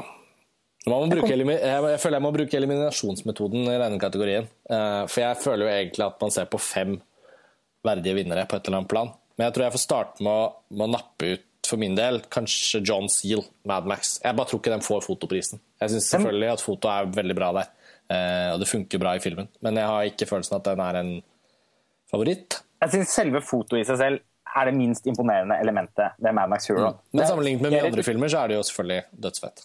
Selvfølgelig. Men altså sånn, av elementene i den filmens visualitet, så, så syns jeg foto på en måte er det minst bemerkelsesverdige, egentlig. I hvert fall ved siden av regien, som vi sikkert Jeg føler liksom regi, klipp, eh, produksjonsdesign, kostymer, sminke altså Det er andre ting, og lyd. Altså det er andre ting som, i den filmen som jeg syns er mer slående. Ganske sånn eh, saturert. Eh, litt- Ja, og ly, jeg, jeg det, det er ikke sånn at han virkelig har anvendt forskjellige elementer og dynamikk i lyset helt heller. Det er, ikke, det er ikke så mye spill på lysets valører i, i, i Mad Max Fury Road. Eh, men filmen var veldig lenge, fordi det er veldig typisk for den type filmer å vinne eh, i fotokategorien, så var den lenge regnet som en favoritt. Det var fram til noen så The Remnant. ja. Eh, eh, jeg vet ikke om vi er Begynte jeg nå, eller begynte jeg ikke? Skal jeg Du, jeg gir deg ordet tilbake. ja sorry. Eh, eh, jeg eh, Ja, så jeg fjerner John Seal, og så Roger Deakins. Altså, foto i Sicario er jo dritfett, så det står jo ikke på det. Og det står jo aldri på det. Det er jo Roger Deakins store mare. Han er så bra, og han er aldri best når det kommer til Oscar-prisene. Eh, Så han kommer ikke til å vinne i år heller, dessverre. For han. Og jeg må jo dessverre si at jeg tror heller ikke at Ed Lackman kommer til å vinne. Men ingenting hadde vært morsommere enn om Edward Lackman kunne gå på scenen og ta Oscaren for Carol. Jeg syns altså Carol er så følsomt og nydelig fotografert, som det meste andre i den filmen. Men den filmen Nå må jeg bare være litt Oscar-politisk. Altså, Carol har rett og slett ikke klart å løfte seg opp til å bli en skikkelig eh, Oscar-favoritt, egentlig i noen kategorier den er nominert i. Og jeg tror dessverre ikke at Edward Lackman får noen Oscar for den. Selv om jeg syns det er helt fantastisk bra. Som sagt, jeg synes alle, alle kategoriene her er veldig imponerende. Og da står det jo da faktisk mellom eh, Robert Richardson, som jeg tror på et eller annet plan er helt der oppe som en slags sånn semifavoritt. Rett og slett bare fordi at 75, eh, 70 mm og 65 mm på, som opptaksformat da, eh, på Hateful Eight, og alt snakket rundt det analoge, og hele den eh, 35 mm og film, analog film er det nye vinyl for filmens medie, og hele den, hele den lanseringen på 70 mm Alt dette her teller jo veldig for hans arbeid. Og hans arbeid er jo også utrolig bra. Altså, det er jo vanvittig hva han har klart å gjøre, eh, sammen med Tarantino selvfølgelig, eh, ut av en ganske liten setting for en film. Og jeg tror det er også derfor han er nominert. Jeg hadde faktisk ikke trodd at han kom til å bli nominert nødvendigvis. Ja. Det var mange andre, andre som var eh, relevante for en nominasjon. Eh, Han var jo ikke, ble ikke nominert i American Society of Cinematographers. Nei, nettopp, nettopp. Det ble han jo ikke. Men så kommer man jo ikke bort fra Emanuel Lubeski, da. Så etter eliminasjonsmetoden så tenker jeg ja, nå har han vunnet. Nå har han vunnet Oscar to år på rad. Og det er veldig vanskelig å se for seg at han ikke også vinner for The Revenant. For det er jo ikke noe dårligere, egentlig. Altså, det han Det er det gjør, er det beste med hele Ja, nettopp. Det er det beste med hele filmen. Og Og hvis filmen skal ta masse priser, så er det på en måte helt vanvittig å forestille seg at den ikke skal ta denne. Nettopp, så da deler vi tydeligvis resonnement. Så jeg, jeg tror faktisk Lubeski tar den, og det blir jo Oscar-historie at han tar tre eh, foto-Oscar på rad. Det er Og det det er, og det er, andre som har og det er selvfølgelig veldig gøy i seg selv. Nå er jo eh, Lubeski har jo vært en helt for oss i mange, mange mange år. Absolutt. Tror jeg ingen av oss føler at eh, Altså, ikke nødvendigvis de filmene han nå har vunnet for, som vi kanskje har alle nærhetsforhold til. Jeg syns jo kanskje de tingene han har gjort for Terence Malick, utmerker seg helt spesielt. Mm. Men, uh, men, men, ja, uansett uh, jeg, jeg, jeg, føler helt, jeg, føler meg nesten 100 sikker på at Emanuel Beske får den prisen. Ja. Uh, jeg, jeg, må innrømme at jeg håper det litt også. Ja, jeg kunne nesten også sagt at jeg håpet det litt bare fordi det er gøy med sånn Oscar-historiske øyeblikk. Samtidig så er det litt for mye bruk av vidvinkler. Det er litt for mye repetisjon av dette motivet hans med solen som uh, blinker inn i kameralinsen. Det er også noe litt sånn matt uh, over uh, Selv om bruken av naturlig lys er imponerende og, for, og helt sånn formidabelt gjort, gir også, føler jeg ikke at filmen har en visuell idérikdom eh, som preger, den visuelle idérikdommen som preger Lubeskis aller, aller beste arbeider. Det er kanskje et av hans mest sånn, altså sånn eh, et av de Jeg vil ikke kalle det pioneraktig, men altså, det er et av de mest sånn distinkte og og kanskje vil det vise seg også være et av hans mest innflytelsesrike arbeider, The Revenant. Men eh, det når ikke helt opp som blant mine Lubeski-favoritter. Så selv om jeg syns det er veldig gøy med Oscar-historie, og jeg heier på Lubeski eh, som generelt, så um, syns jeg også det hadde vært morsomt hvis Robert Richardson hadde fått sin fjerde Oscar. Det hadde ikke, eh, riktignok ikke helt blitt historisk, fordi det er et par andre som har gjort tidligere også, men, um, men nei. Jeg håper, selv om jeg absolutt ikke tror det er mulig, så håper jeg på Edward Lackman for Carol. Fordi det er en helt fantastisk uh, fotografert film, og fordi Edward Lackman har vært uh, en personlig helt i, for meg i mange år. Så Der fikk vi ristet av oss fotokategorien. Eh, den er jo men, men, ja, men, ikke helt ristet ferdig, nei. nei. Nei, jeg må bare si en ting til òg. Fordi jeg syns jo faktisk at Roger Deakins sitt arbeid i Sicario også er helt fantastisk bra. Uh, og det er sjelden Den morsomme spøken med Roger Deakins er jo at han er alltid nominert, men dessverre aldri men vinner aldri. Og, og, at det er fordi han liksom aldri er helt best. Uh, alltid så bunnsolid, og ofte og mer, mye mer enn det òg, men sjelden best. Uh, I år er han veldig nære å være best, syns jeg. Det er noen av de sekvensene i Sicario som bare er helt stunning. Um, så det, kunst, altså sånn Carol, Sika altså, Det er så vanskelig å velge her. Fordi så, jeg kunne nappe John Seal, akkurat som deg, Karsten. Men ellers så sitter jeg her med fire, uh, fire arbeider som jeg på alle måter eh, beundrer veldig. Men uh, Carol er min personlige favoritt, og jeg håper at den vinner. Men jeg tror det ikke, for jeg tror det blir uh, Emanuel Lubeski for Revenant. Beklager at dette ble så langt. Pernille, nå må du ja, altså Chivo er jo my man, eller Lubeski, da. Uh, men ja, altså, ut fra disse fem som er her nå, så syns jeg at uh, Revenant virker som den åpenbare vinneren, egentlig. Men samtidig så føler jeg at det burde ikke være mulig å vinne tre år på rad. Altså, det er jo det er historisk og, og kult for uh, Lubeski, men, men er det fair?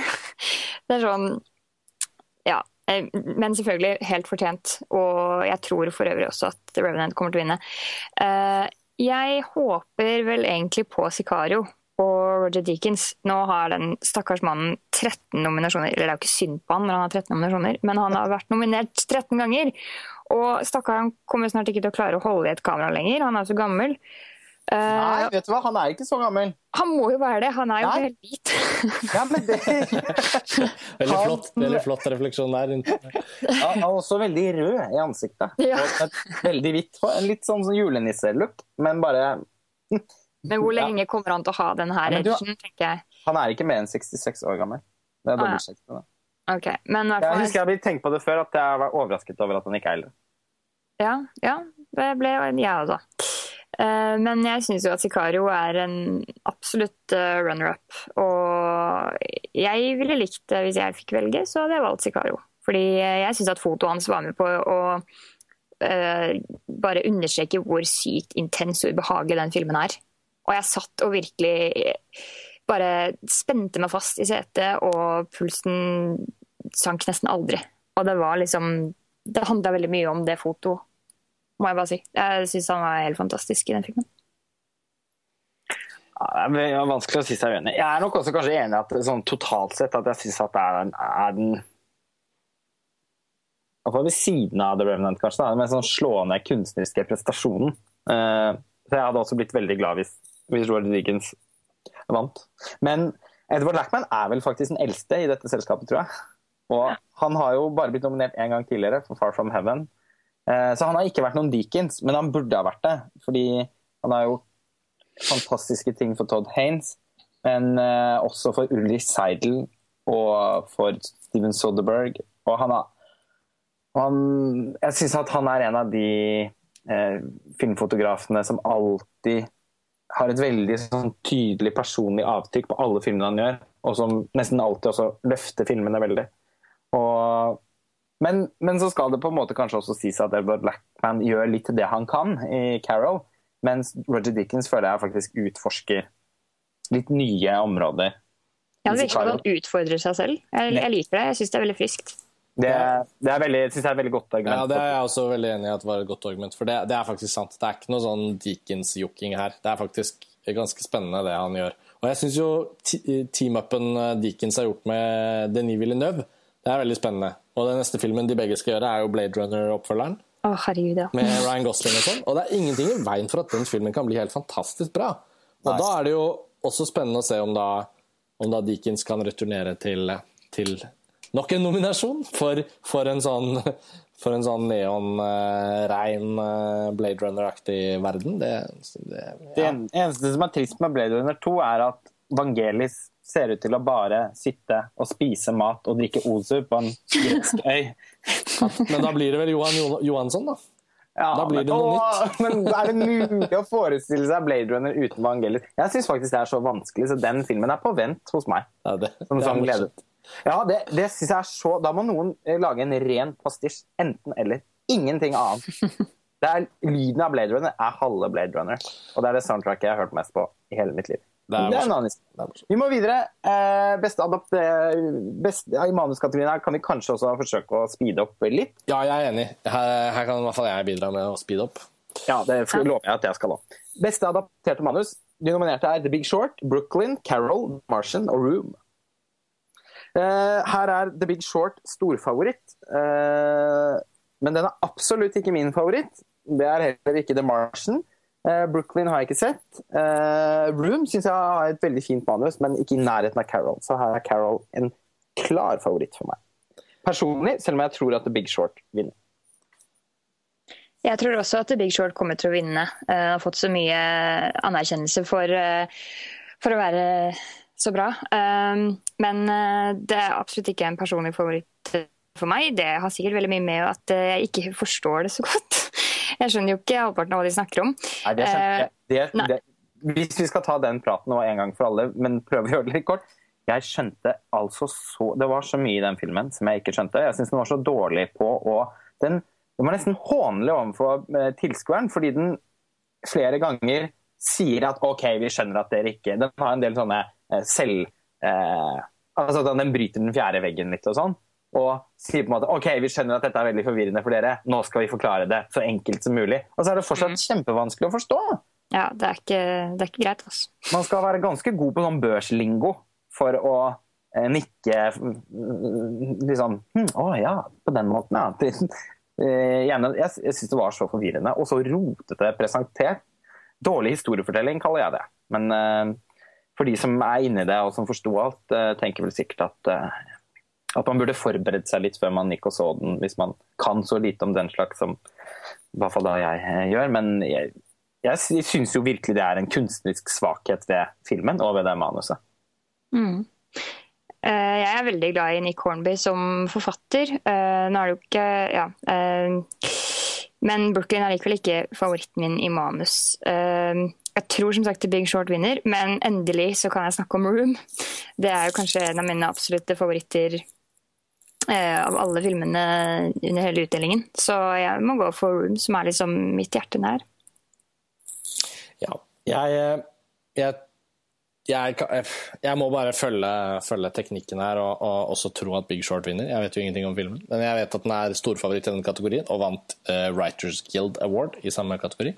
Uh, og så håper jeg på Ja, jeg håper vel på Carol, jeg, i denne kategorien. Så jeg har ikke noe mer å si om det enn det. Da beveger vi oss videre til da beste originalmanus.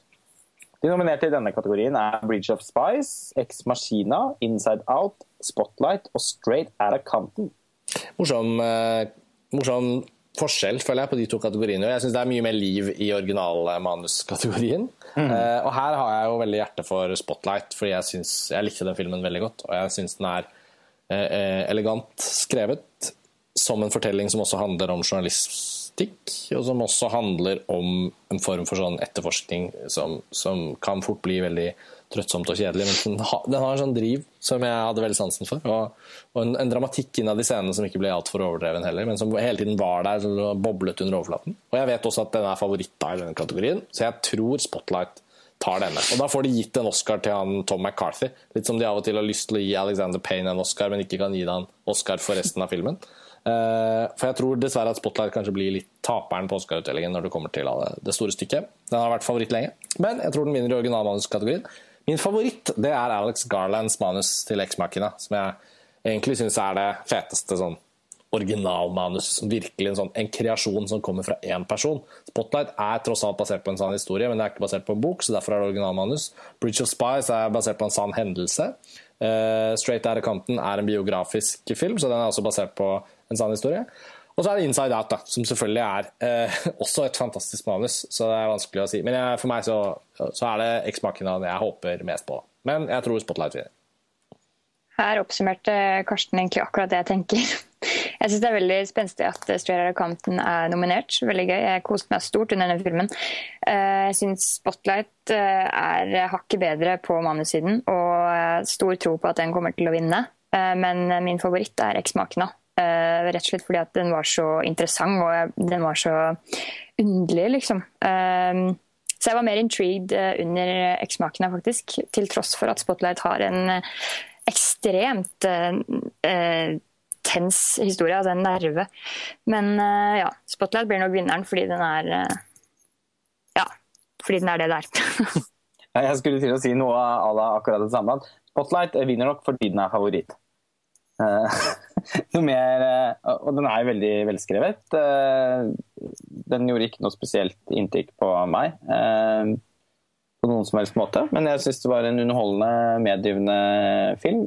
Og godt skrevet og i det hele tatt veldig sånn elegant gjort. Om enn også litt pregløst. Her er det ikke noen tvil om at mine to favoritter er Inside Out og X Maskina. Men i likhet med deg, Karsten, så syns jeg det hadde vært mye morsommere om Alex Garland vant den prisen. Eh, det er noe med at Inside Out også litt er en Pixar-samarbeidsprosjekt med fire-fem manusforfattere. Og, um, og selv om jeg syns at den Altså, den Inside Out er litt sånn oppskriften på hva jeg tenker at et bra originalmanus kan være i Oscar-sammenheng. Altså, den er så komplett original i i, i, sin, i bare liksom sin idé. Og, og, den er jo både den, Og filmen er utrolig godt fortalt å veksle mellom liksom både å være morsom og smart og intrikat og likevel uh, tindrende rørende. Og ofte på en og samme tid. Uh, men det handler jo da Det handler selvfølgelig ikke bare om manuset, men, men det er ikke noe tvil om at det også ligger mye av det allerede der. Uh, men likevel så Alex Garland er jo en liten sånn gammel helt. Og jeg har satt veldig pris på mye av det han har, av det han har gjort. Og Ex Machina var jo bare en helt sånn forbløffende god regidebut fra han. Og, med, og, og, og, faktisk da også, selv om til å være en science fiction-film på en måte, da, som jo er det den er, så er den jo også et kammerspill. Og veldig, veldig dialogdrevet.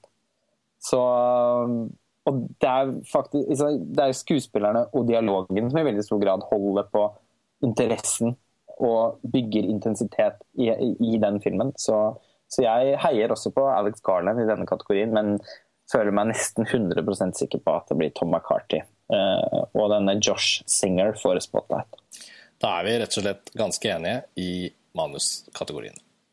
Da kan vi vel hoppe til neste kategori, og da er vi jo fort over på skuespillerkategoriene. Der er det jo fire kategorier totalt. Vi begynner vel med birollene. Eh, skal vi ta mannlige biroller først, kanskje? Ja. Eh, de nominerte i den kategorien er Christian Bale for The Big Short, Tom Hardy for The Revenant, Mark Ruffalo for Spotlight, Mike Ryland for Bridge of Spice og Sylvester Stallone for Creed. Ja, dette er jo Jeg vet og har fulgt med tett og sett at Sylvester Stallone har virkelig steget opp til å bli en favoritt. Det er jo en sånn klassisk Hollywood-greie hvor, hvor, de skal gi Oscaren til en gammel traver som har returnert til altså Det er noe sånn comeback-aktig, og det er Rocky igjen 40 år etter originalen og alt det der. Så jeg tror han vinner, fordi han har virket som den store favoritten. Men jeg har ikke sett filmen. Eh, jeg har riktignok eh, sett eh, The Revenant og Spotlight og Bridge of Spice, og Mark Rylance i Bridge of Spice er nok min personlige favoritt. Jeg syns Tom Hardy i Revenant var noe av det dårligste med den. Så, og Christian Bale i The Big Short har jeg ikke sett. Så jeg, jeg håper på Mark Rylance, for jeg syns også det var en oppdagelse. En skuespiller jeg ikke har sett noe særlig på film. Men jeg tror det blir Sylvester Stallone. Jeg har en eh, ganske lik eh, oppsummering her. Jeg, merkelig nok, jeg, jeg, har ikke sett Creed, jeg heller. Eh, så jeg kan ikke si noe om Sylvester Stallone, bortsett fra at han er storfavoritt, så jeg tror han vinner.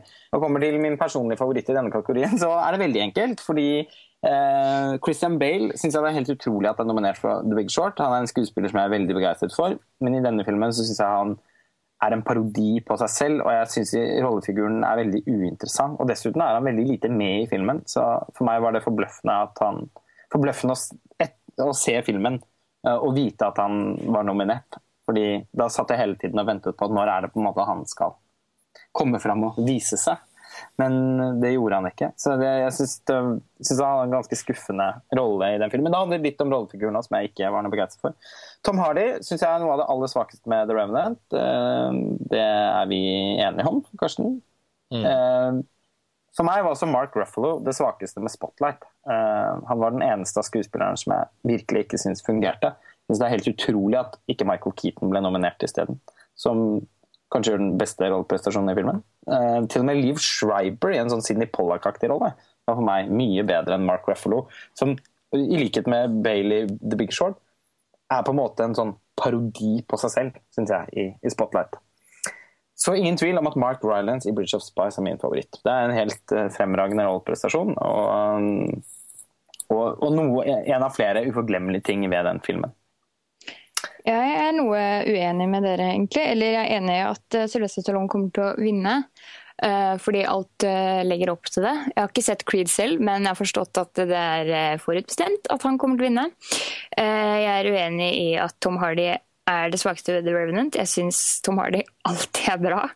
Eh, jeg syns han også er fantastisk her. Det er bare noe med hele mimikken i ansiktet hans og måten han bare er så psykopat, egentlig. Eh, jeg syns han er en helt fantastisk eh, skuespiller og en av de aller beste som er i vår samtid. Um, og jeg er også veldig forbausa over at Mark Ruffalo er nominert. fordi at uh, jeg synes I Spotlight så er det ingen av skuespillerne egentlig som skiller seg ut eh, så markant at de fortjener en egen nominasjon. fordi Spotlight er en sånn ensemblefilm. Så det er en sånn um, altså Rollene der syns jeg skulle vært nominert hvis det var en kategori for beste ensemble, som egentlig hadde vært veldig kult om, om kom. Uh, men favoritten min er nok Mark Rylance. ja, selv om jeg er veldig veldig glad i Tom Hardy, så Mark Rylance gjorde en bedre birolle. Ja. Enig. Ja, Da var vi ganske enige om Mark Rylance, da, i hvert fall. Selv om vi tror Uenige om Tom Hardy, men enige om Mark Rylance. yes. Eh, og det, Apropos Spotlight og, og, og, litt sånn overraskende nominasjoner eh, til skuespillerne i den filmen. Jeg er veldig enig, jeg synes det er bra poeng. Eh, Pernilla. Det er liksom i så åpenbar grad en ensemblefilm, så jeg føler det er veldig vanskelig å løfte fram noen. Hvis jeg skulle løftet fram, noen, så hadde det dog vært Michael Keaton. Og det klør jeg meg fortsatt i skjegget over at, uh, at ikke Oscar mer tenkte som, akkurat sånn som meg. Men, uh, uh, men ja, dette, vi, vi, beveger oss over i neste kategori, som er beste kvinnelige birolle. og de nominerte her er jo da bl.a. Rachel McAdams for Spotlight, Jennifer Jason Lee for The Hateful Eight, Rooney Mara for Carol, Alicia Vikander for The Danish Girl og Kate Winslet for Steve Jobs. Pernille? Ja, den her syns jeg er vanskelig, egentlig. Fordi uh, Ja, jeg vil luke ut Rachel McAdams med en gang. Pga. Ja, det jeg sa i stad. Um, Jeg tror at kanskje Kate Winslet vinner. Det hadde vært litt morsomt hvis det ble sånn Kate og Leo-år. Uh, det hadde vært gøy. Uh, jeg tror hun vinner fordi vet ikke, Hun skiller seg vel kanskje mest ut i kategorien som en birolle her. Hun gjør, hun gjør veldig mye ut av birollen sin, og hun er veldig viktig for uh, hele filmen. Steve Jobs. men det er ikke noe hemmelighet at jeg har en stor girl crush på Alicia Vikander. Så hun er favoritten min. Uansett hvor dårlig den filmen er, så er hun helt fremragende. Ja. Hun, hun, er definitivt det beste med den filmen. Det skal også jeg.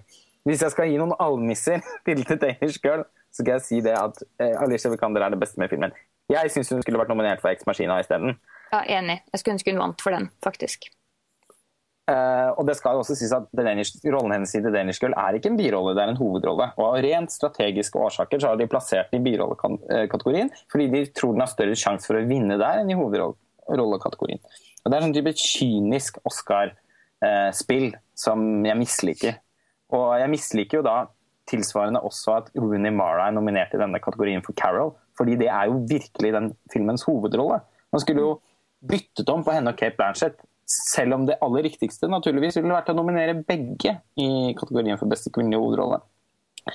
Um, så de ekte Og Rachel McAdams sin birolle syns jeg er så forglemmelig i Spotlight at her, jeg er kjempeglad i Rachel McAdams, men jeg kan ikke helt forstå uh, hvordan hun har klart å snike seg inn i denne kategorien.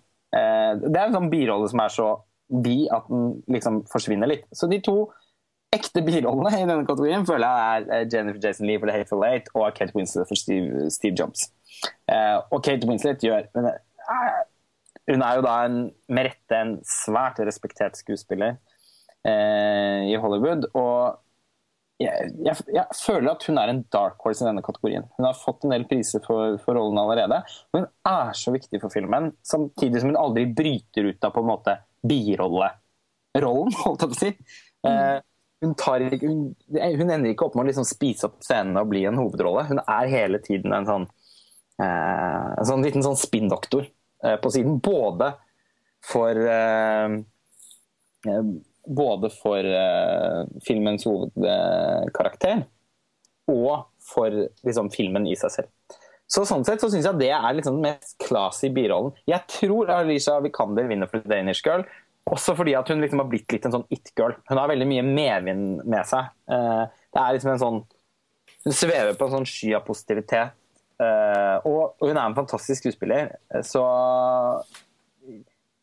jeg tror hun kommer til å vinne, og jeg syns det er litt morsomt at Alicia Vikander bare noen få år siden jeg så henne for første gang i 'Til det som er vakkert', en svensk film som jeg setter veldig stor pris på. At, å se henne der stå på den scenen og ta imot den Oscaren, det kommer jeg ikke til å få vond smak i munnen av. Men jeg syns de som fortjener det mest, er Rooney Mara for Carol og Kate Winslet for Steve Jobs. Og jeg tror nok hjertet mitt liksom banker aller, aller, aller mest for Rooney Mara. Mens fordi at jeg syns, ikke syns at det er en birolle, så heier jeg på Kate Winslet for Steve Jobs. Jeg har ikke noe nytt å tilføye, for det er akkurat de samme refleksjonene jeg ville kommet med. Eh, Pga. at jeg skal prøve å få riktig eh, på det jævla tippeskjemaet, så blir det vel Alicia Vikander for meg òg. Skulle likt å sett den i Eksmaken har nominert, det er jeg enig med dere andre om. Eh, men Kate Winslet. Hun er jo så bra i Steve Jobs, og den filmen har jo fått altfor få nominasjoner. Det glemte vi å si på Adapted Screenplay, men der er det jo, er det jo egentlig Aaron Sorkin som burde ha vært eh, nominert og en favoritt. Så ja, jeg håper på Kate Winslet. Tror på Alicia Vikander. Best Neste kategori er da beste skuespiller, eller beste mannlige hovedrolle. Og De nominerte her er Bryan Cranston for Trumbo, Matt Damon for The Martian, Leonardo DiCaprio for The Revenant, Michael Fassbender for Steve Jobs og Eddie Redmayne for The Danish Girl. ja. ja, Leonardo DiCaprio, da, dere. Endelig ja. skal han få Oscaren sin. Det er Leo-året. Jeg, jeg, gidder ikke å diskutere kategorien engang. Det er mange bra her, og jeg har ikke sett alle, men ja, det er Leonardo DiCaprio som vinner. Og, og det er det jo bare å glede seg over. Han har jo fortjent Oscar så lenge nå. Det blir Leo, men da er det kanskje mer interessant å, å si hvem er som er liksom closest til Leo. Da vil jeg si Michael Fassbender. Ja, jeg er enig. Jeg syns han er fantastisk bra i Steve Jobs, og som jeg nettopp sa, altså den filmen Jeg tror eh, de fleste av oss som har sett den og liker den filmen, vil jo, vil jo riste, ho, ho, riste, på hodet over hvor få nominasjoner han har fått. Eh, han er veldig bra, mm. men på tross av all uh, ulingen i skjegget og brytingen med Bjørn og ting som jeg også syns er litt parodisk med The Revenant, så er det noe med at Leonardo DiCaprio han har altså gitt så mye til så mange roller, og av en eller annen besynderlig grunn ikke fått Oscar for noe av det han har gjort. Uh, og jeg kan jo jeg kan bare tenke på den Oscaren som en Oscar for, for Wall Street alene, og så ville det jo bare vært uh, nok som argument. Så ja, jeg trenger ikke si mer. Det er DiCaprio tar den, og jeg syns han bør få den. Det er ikke noe konkurranse. Nei. Nei. Han kommer til å få den prisen, så det er ingen tvil om at vi alle spår det. Leonardo DiCaprio uh, gjorde en av de beste rolleprestasjonene i manns minne, syns jeg, i The Wolf of Wall Street. Uh, og den kunne han ikke vinne for, fordi filmen nok ikke helt var etter Oscar-akademiets smak. Den var nok litt i drøyeste laget. Det som skal sies med Leonardo DiCaprio, er at han en ting er at Han var nominert ganske mange ganger, men han har først og fremst ofte ikke blitt nominert for filmer han burde vært nominert for. Han ble ikke nominert for 'Catch Me If You Can', han ble ikke nominert for 'Revolutionary Road', han ble ikke nominert for 'The Departed'. Altså, Listen er veldig lang over imponerende roller som Leonardo DiCaprio jo har gjort, men som han ikke har fått noen anerkjennelse fra Oscar-akademiet for. Så det er liksom Det er ingen jeg unner mer enn Oscar eh, i sin generasjon med skuespillere enn Leonardo DiCaprio. Så go for it, tenker jeg. Men mm. det føles mest som en ærespris. For jeg syns også eh, rolleprestasjonen hans i The Revenant, selv om den er fysisk imponerende, også er litt monoton og uspennende sammenlignet med en del andre ting han har gjort. Og jeg syns den suverent beste i denne kategorien er Michael Fassbender for Steve Jobs. Så jeg håper på Michael Fassbender for Steve Jobs, faktisk. Eh, og uh, selv om jeg gleder meg over Leonardo DiCaprio, men det var akkurat sånn som jeg føler at etter min smak så kunne vi heller ventet enda litt lenger, og så kunne Michael Fassbender fått den for Steve Jobs. Så håper Michael, på Michael Fassbender. Tror selvfølgelig Leonardo DiCaprio. Ja. Beste kvinnelige hovedrolle, er det der er det jo Ja, det er en litt sånn veldig annerledes kategori i forhold til herrekategorien i år. Eh, kan du ta de nominerte, Lars Ole? Ja, de nominerte er Kate Blanchett for Carol, Bree Larson for Room, Jennifer Lawrence for Joy, Charlotte Rampling for 45 Years og Sisha Ronan for Brooklyn. Pernille, her, her har jo din, eh, din, film, 'Room', er jo eh, faktisk storfavoritt. Ja, Bree. Bree, Bree, Bree. Absolutt. Hun kommer til å vinne, og jeg håper det, og jeg kommer til å være kjempeglad for det. Det er liksom For meg så er det ikke noe, det ikke noe spørsmål om det engang. Hun har utmerket seg så mye og har vunnet uh, i flere andre prisutdelinger tidligere i år. Og ja, kabalen har lagt opp til at det er Bree som vinner. Jeg syns det er veldig kult. Og hun er veldig ung og ikke sånn kjempestor ennå, så det er veldig morsomt. Uh, Kate Blanchett er jo selvfølgelig helt uh, ekstremt bra i Carol, men det, For hun er jo selvfølgelig alltid så god. Ja, hun er alltid så god, men, men, det er too soon. Det kan ikke være henne igjen etter den uh, formidable Blue Jasmine. Uh, ja. Er, de andre kan ikke måle seg engang. Jeg føler at det er liksom Kate og Bree som ligger i toppsjiktet her. Uh, selv om 45 Years er helt vidunderlig, så så for meg så er 45 Years den er Charlotte Rampling og Tom Courtney. Den er ikke først og fremst Charlotte Rampling egentlig. Uh, så som en outstanding female lead, så er det Bree. No doubt. Nei, jeg må si meg enig. Hun er jo storfavoritt også fordi hun har vunnet nesten hver eneste pris det er mulig å vinne tidligere på vinteren. Uh, i, i, de samme kategoriene på alle disse andre prisutdelingene. Så ja, jeg har ikke egentlig noe spesielt interessant å si utover at jeg tror og egentlig også håper at hun vinner, for jeg syns hun gjør en dritbra rolle og, og fortjener eh, prisen egentlig for det. Det skal si Jeg liker alle rolletolkningene i kategorien. Uh, Jennifer Lawrence er jo faktisk ekstremt bra i Joy, også der. Uh, mm. Men hun har jo fått liksom Oscaren sin for sin David og Russell-film, så den kommer hun ikke til å få, selvfølgelig. Kate Blanchett, uh, bra som alltid. Charlotte Rampling, tåredryppende, gripende god i 45 Years. Og Cersei Ronan, um, Brooklyn. Nydelig film. sånn old school kjærlighetsfilm periodefilm som jeg likte veldig godt. Og hun har jeg også kjempetro på. Har alltid hatt egentlig. Liker henne veldig godt. Så, men det blir vel hun Bree Larsen i år. Ja, jeg tror jo da også at det blir Bree, Bree Larsen. Uh, hun er liksom blitt for lengst etablert som en stor favoritt i kategorien, så jeg tror det er veldig overraskende hvis eh, det skulle skje noe annet her. Uh, jeg syns den mest imponerende rolletolkningen av disse er Charlotte Rampling i 45 Years. Og hun er også en av mine favorittskuespillere. så Sånn sett så er det unat veldig unaturlig for meg å ikke heie på henne. Samtidig så skal det også sies at dette blir litt sånn med humoristisk fortegn, men man kan jo si at Kate Blanchett ofte gjør litt sånn variasjon, variasjoner over den samme rollen. hun er liksom da Capo-dronningen. Og i Carol så gjør hun litt en da Capo-rolle. Oh, Therese! Det er, noe, det er, både noe Blue Jasmine og noe sånn Scandal over, en, over, henne i den filmen. Men jeg elsker det. Jeg er så glad i Kate Blanchett. Og at hun nesten for meg, hvis hun er nominert, er en obligatorisk favoritt. Men uh, jeg skal strekke meg dit i år og si at jeg faktisk heier da på ikke på Kate Blanchett, sånn som jeg pleier, men på Charlotte Rampling for 45 Years. Og så tror jeg på Brie Larson for som også gjør en kjempesterk rolle i den filmen. Jeg må bare få legge til at jeg syns det er veldig eh, teit og dumt at Jacob Tremblay ikke ble nominert for hovedrolle i mannlig-kategorien, som jeg glemte å si i stad. Ja, han burde jo nesten ha vunnet i den. Jeg syns jo han Absolutt. er enda mer bemerkelsesverdig enn henne i den filmen. Men uh, selvfølgelig er det samspillet mellom dem da, som er filmens hjerte. Mm. Ja, nei, Han er en nydelig liten gutt, han. Eh, og spiller veldig bra.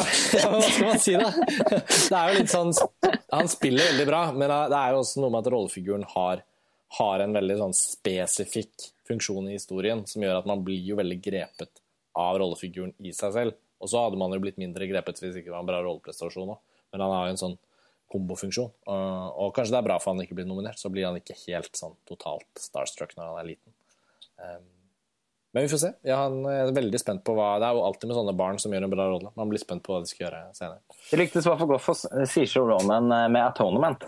Ja, det er et uh, godt eksempel. Et uh, aktuelt eksempel. Ok, neste ja. kategori. Nå er det de to store igjen. Beste regi og beste film. Beste regi de nominerte er Adam Mackay for The Big Short, George Miller for Mad Max Fury Road, Alejandro González Inaritu for The Revenant Lenny Abrahamson for Room og Tom McCarthy for Spotlight. Vil du kanskje starte i denne kategorien, eller Lars Ole? Ja, det kan jeg. Ehm, her har jeg en suveren favoritt, og det er George Miller for Mad Max Fury Road. Han er i og for seg den eneste av de nominerte som jeg virkelig syns fortjener denne prisen. Her var det mange av mine personlige favoritter som ikke nådde opp i år. Todd Haines for Carol og eh, Danny Boyle for Steve Jobs, som jeg syns er på, på, hver sin måte, som jeg på hver sin måte setter mye mer pris på enn noen av de andre nominerte her, bortsett fra Mad Max Fury Road. Eh, så denne kategorien er litt sånn dyster for meg i år. Og, men lyspunktet var jo lenge at George Miller da faktisk var favoritt eh, til, til å vinne. Og det eh, hadde, ville kastet glans over denne utdelingen eh, eh, på en måte som ville gjort det til en sånn skikkelig god årgang. Men som vi har vært inne på flere ganger tidligere i podkasten, så kom liksom The Revenant og bare tok bussen fra Mad Max.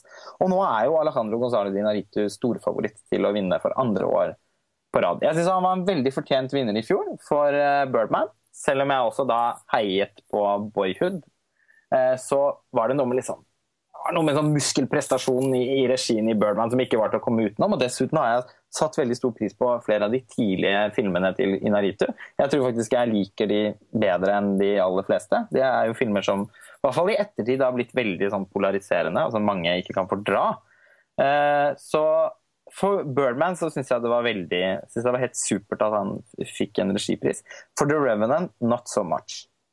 Eh, jeg syns den filmen har altfor mange svakheter som som fortelling. Og, og jeg syns egentlig ikke jeg synes Lufta går litt ut av filmen etter den første timen, og da sitter vi med en og en halv time til som er litt sånn monoton lidelsesporno, syns jeg. Med veldig mye skjegg uh, og vidvinkel og snøføyk. Og det har altså litt med regien å gjøre. Jeg syns, rett og slett ikke filmen er spesielt vellykket, og det skyldes først og fremst Inaritu selv, som jo også har skrevet den. Men jeg tror The Revenant og Inaritu vinner, men håper på George Miller. Ja, jeg er enig i veldig mye av det du sier der. Jeg savner også nominasjon til Todd Haines. Um, det virker som at Injoritu er eh, storfavoritten i år, ja. Uh, det har vi sagt det mange ganger, men det fortsetter å være sant. Uh, ja, alt tyder på at han kommer til å vinne igjen, selv om jeg ikke syns det er helt fair. Jeg håper på George Miller. Men jeg tror at det er et altfor bold uh, valg for akademiet. Jeg tror rett ikke at han har noe opp mot uh, Injaritu. Om, men jeg syns at regien er absolutt ikke det sterkeste ved The Revenant. Det er først og fremst de andre tingene som vi har heiden fram på. Rett og slett. Ja, men det morsomme er jo at for det er jo selvfølgelig egentlig høres jo helt, det høres ut som science fiction at Mad Max Fury Road skal vinne Oscar for beste regi. Hadde noen mm. sagt det i mai, da den gikk på kino, så hadde jeg sett på dem og sagt herregud, er du helt klikka for deg, eller? Mm. Men, men, så takk, altså, så, men så ble jo bussen så sterk at den utrolig nok ble favoritt. da. Så Sånn sett så var det jo veldig sannsynlig lenge at den faktisk skulle gjøre det. Og det hadde jo vært helt fantastisk morsomt. Men uh, den bussen er dessverre sluknet. Ja, nei, altså Dere resonnerer veldig, veldig altså Det er jo eksakt det samme jeg har tenkt. Dette er jo også kategorier som det har blitt diskutert mye om, og man har jo kunnet følge, følge bøssen og følge signalene. og jeg, jeg, ser jo også nå at det nesten er uunngåelig at uh, Ingjaritu tar en uh, Oscar igjen. Det blir jo to på rad. Uh, jeg ser at det, vel, det, har vel ikke skjedd siden Joseph Mankiewicz vant Oscar for beste regi to år på rad i 1949 og 1950. Eh, så det vil jo også ha en viss historisk sus over seg hvis Inarito tar den. Eh, og jeg må jo da kjedelig nok også si at George Miller er min favoritt. Han jeg håper jeg tar den. Og det er liksom Det er noe så flott over da George Miller liksom kommer tilbake til Mad Max-universet. Litt sånn hvem hadde trodd det? Den der litt sånn utgåtte ørkenestetikken fra sånn der, rivjernspunken med Mel Hvem hadde trodd at det skulle vende tilbake? Også med så mye ja, nå, jeg jo, nå kan jeg jo glede meg til tre Mad Max-oppfølgere, om det så skulle være. For nå har liksom, nå har liksom bensinen blitt uh, antent igjen. Da. Men uh, nei. Det er, uh, hadde vært så jævlig fortjent om han fikk den prisen for regi. Og jeg har liksom et lite sånn 20% håp om at han faktisk skal ta den nå. Men, ja, det, jeg tenker at vi skal reservere 20 ja. fordi det, det kan hende. Så, ja, underligere ting har skjedd. Ja, underligere ting har skjedd. Men eh, nei, nå er vi jo på slutten av Det er litt sånn som det kommer til å føles på Oscar-utdelingen, føler jeg nå. Mm. Når, når, Revenant har fått nok priser til at vi bare Ja, ja. Og så blir det beste regi Tinia Ritu, og så kommer vi nå til den siste kategorien vi skal snakke om, beste film. Og da er det vel ingen overraskelser over hva vi kommer til å tippe, men OK. Kanskje er det noen overraskelser. Du har noe på lur, Lars Ole. Men skal vi, skal vi ta og hoppe til den kategorien og gå gjennom de nominerte til beste film? Siste kategori. Ja. Og de nominerte er The Big Short, Bridge of Spice, Brooklyn, Mad Max Fury Road, The Martian, The Revenant, Room og Spotlight. Åtte filmer. Mm. Jeg eh, personlig tror ikke jeg orker å gå gjennom alle. Eh, jeg har eh, jeg har faktisk sett alle filmene bortsett fra The Big Short. Sånn som det har skjedd nå i liksom, de siste ukene med, med både Buss og, og, diverse refleksjoner fra forskjellige kunnskapsrike bloggere og ditt og datt, så har det vel kokt ned til at det er The Big Short, Spotlight og The Revenant som på mange måter er de tre filmene som regnes som, som er de to, tre som har en sjanse på å vinne prisen for beste film. Og, eh, men det er virkelig ikke nødvendigvis avgjort. da. Uh, og, og, og, det siste som bikket uh, ting i forhold til The Revenant, litt i Revenants favør, var vel at de også de tok BAFTA, og de fikk enormt bra box office og, og beste regi på, på, Directors Guild. Og mange har spekulert i at fordi uh, prisen fra PGA, altså produsentenes fagforening, at den gikk til Det var vel The Big Short, var det ikke? Uh, at, at, den ikke gikk til The Revenant fordi The Revenant gikk så langt over budsjett, og at den i hermetegn ikke var, nødvendigvis var så bra produsert. Og så er det jo skuespillerne da, som ga den Ensemble Award på SAG-utdelingen til Spotlight. Og skuespillerne er jo den fagforeningen som utgjør den største gruppen av akademiet. Så kan man spekulere om det kanskje er de som, som vil få fram en film som Spotlight. Men så har hele denne Revenant-bussen bare blitt så omfattende, og, og, den tar opp i seg så mange kategorier at det er, det er vanskelig å komme unna den. da. Jeg får se hva dere sier, men, men jeg tror nok at Revenant tar prisen. Og, og jeg håper at uh, Ja, hva håper jeg? Jeg håper vel egentlig faktisk litt at Spotlight vinner, i hjertet mitt. Men uh, det blir nok uh, The Revenant, tror jeg. Ja. Um, jeg tror nest, Jeg tror faktisk ikke at Revenant kommer til å vinne denne, fordi den har allerede vunnet en del priser fram til nå, og også beste regi, da. Uh, men jeg syns at det virker som at det er veldig veldig Oscar-typisk hvis The Big Short eller Spotlight vinner. Eh, rett og slett fordi de, de, bare, de elsker jo biopics, og det her er jo ikke dårlige biopics. Så jeg vet ikke, jeg tror, jeg, jeg vet ikke av de, hvilken av de to som eh, blir vinneren. Men det blir i hvert fall ikke den jeg håper på selv. Og ja, det er jo Room, da.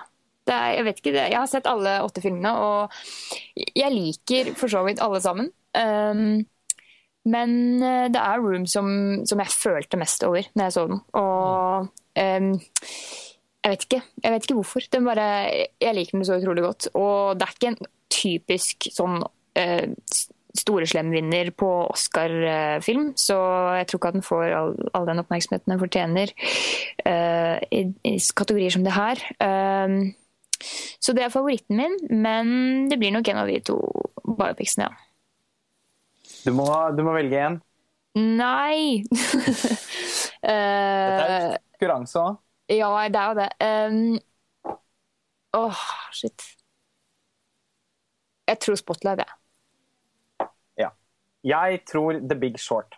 Selv om jeg har kommet, kommet dit hen. Uh, tidligere denne uken så var jeg ganske overbevist om en sånn sweep for The Revenant. Men jeg har begynt å få følelsen av at det nok blir et av disse split-årene. Altså 12 Years of Slave, Gravity Style. eh, eller Argo. eh, og hvilken var det som vant for beste regi? Life of P, var det ikke? Faen. Jo, det var det. Ja. Ja. Ikke sant? Jeg, jeg, begynner å se for meg et, et, et sånt uh, år.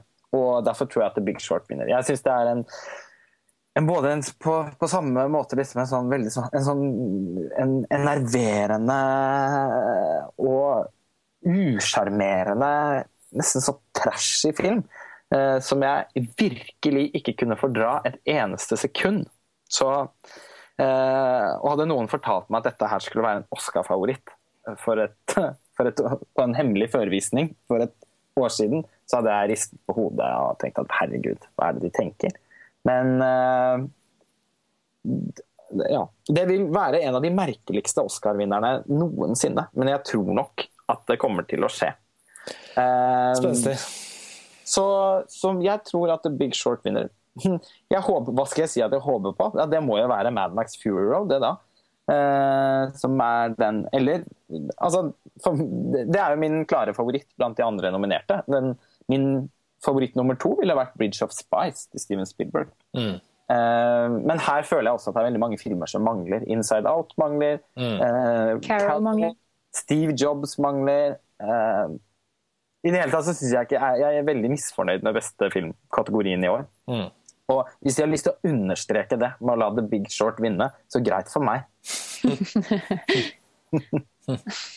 Ja, nå er vi egentlig ved veis ende her.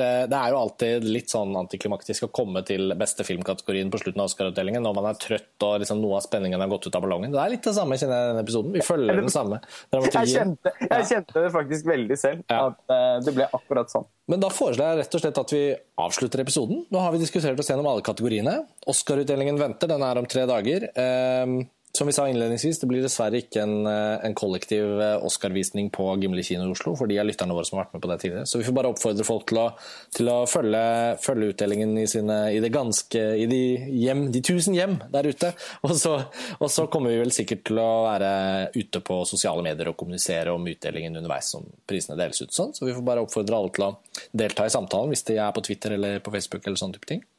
Pernille, eh, like stor glede igjen å ha deg som gjest på Filmfrelst. Nå, nå forutser vi at du er tilbake neste god anledning.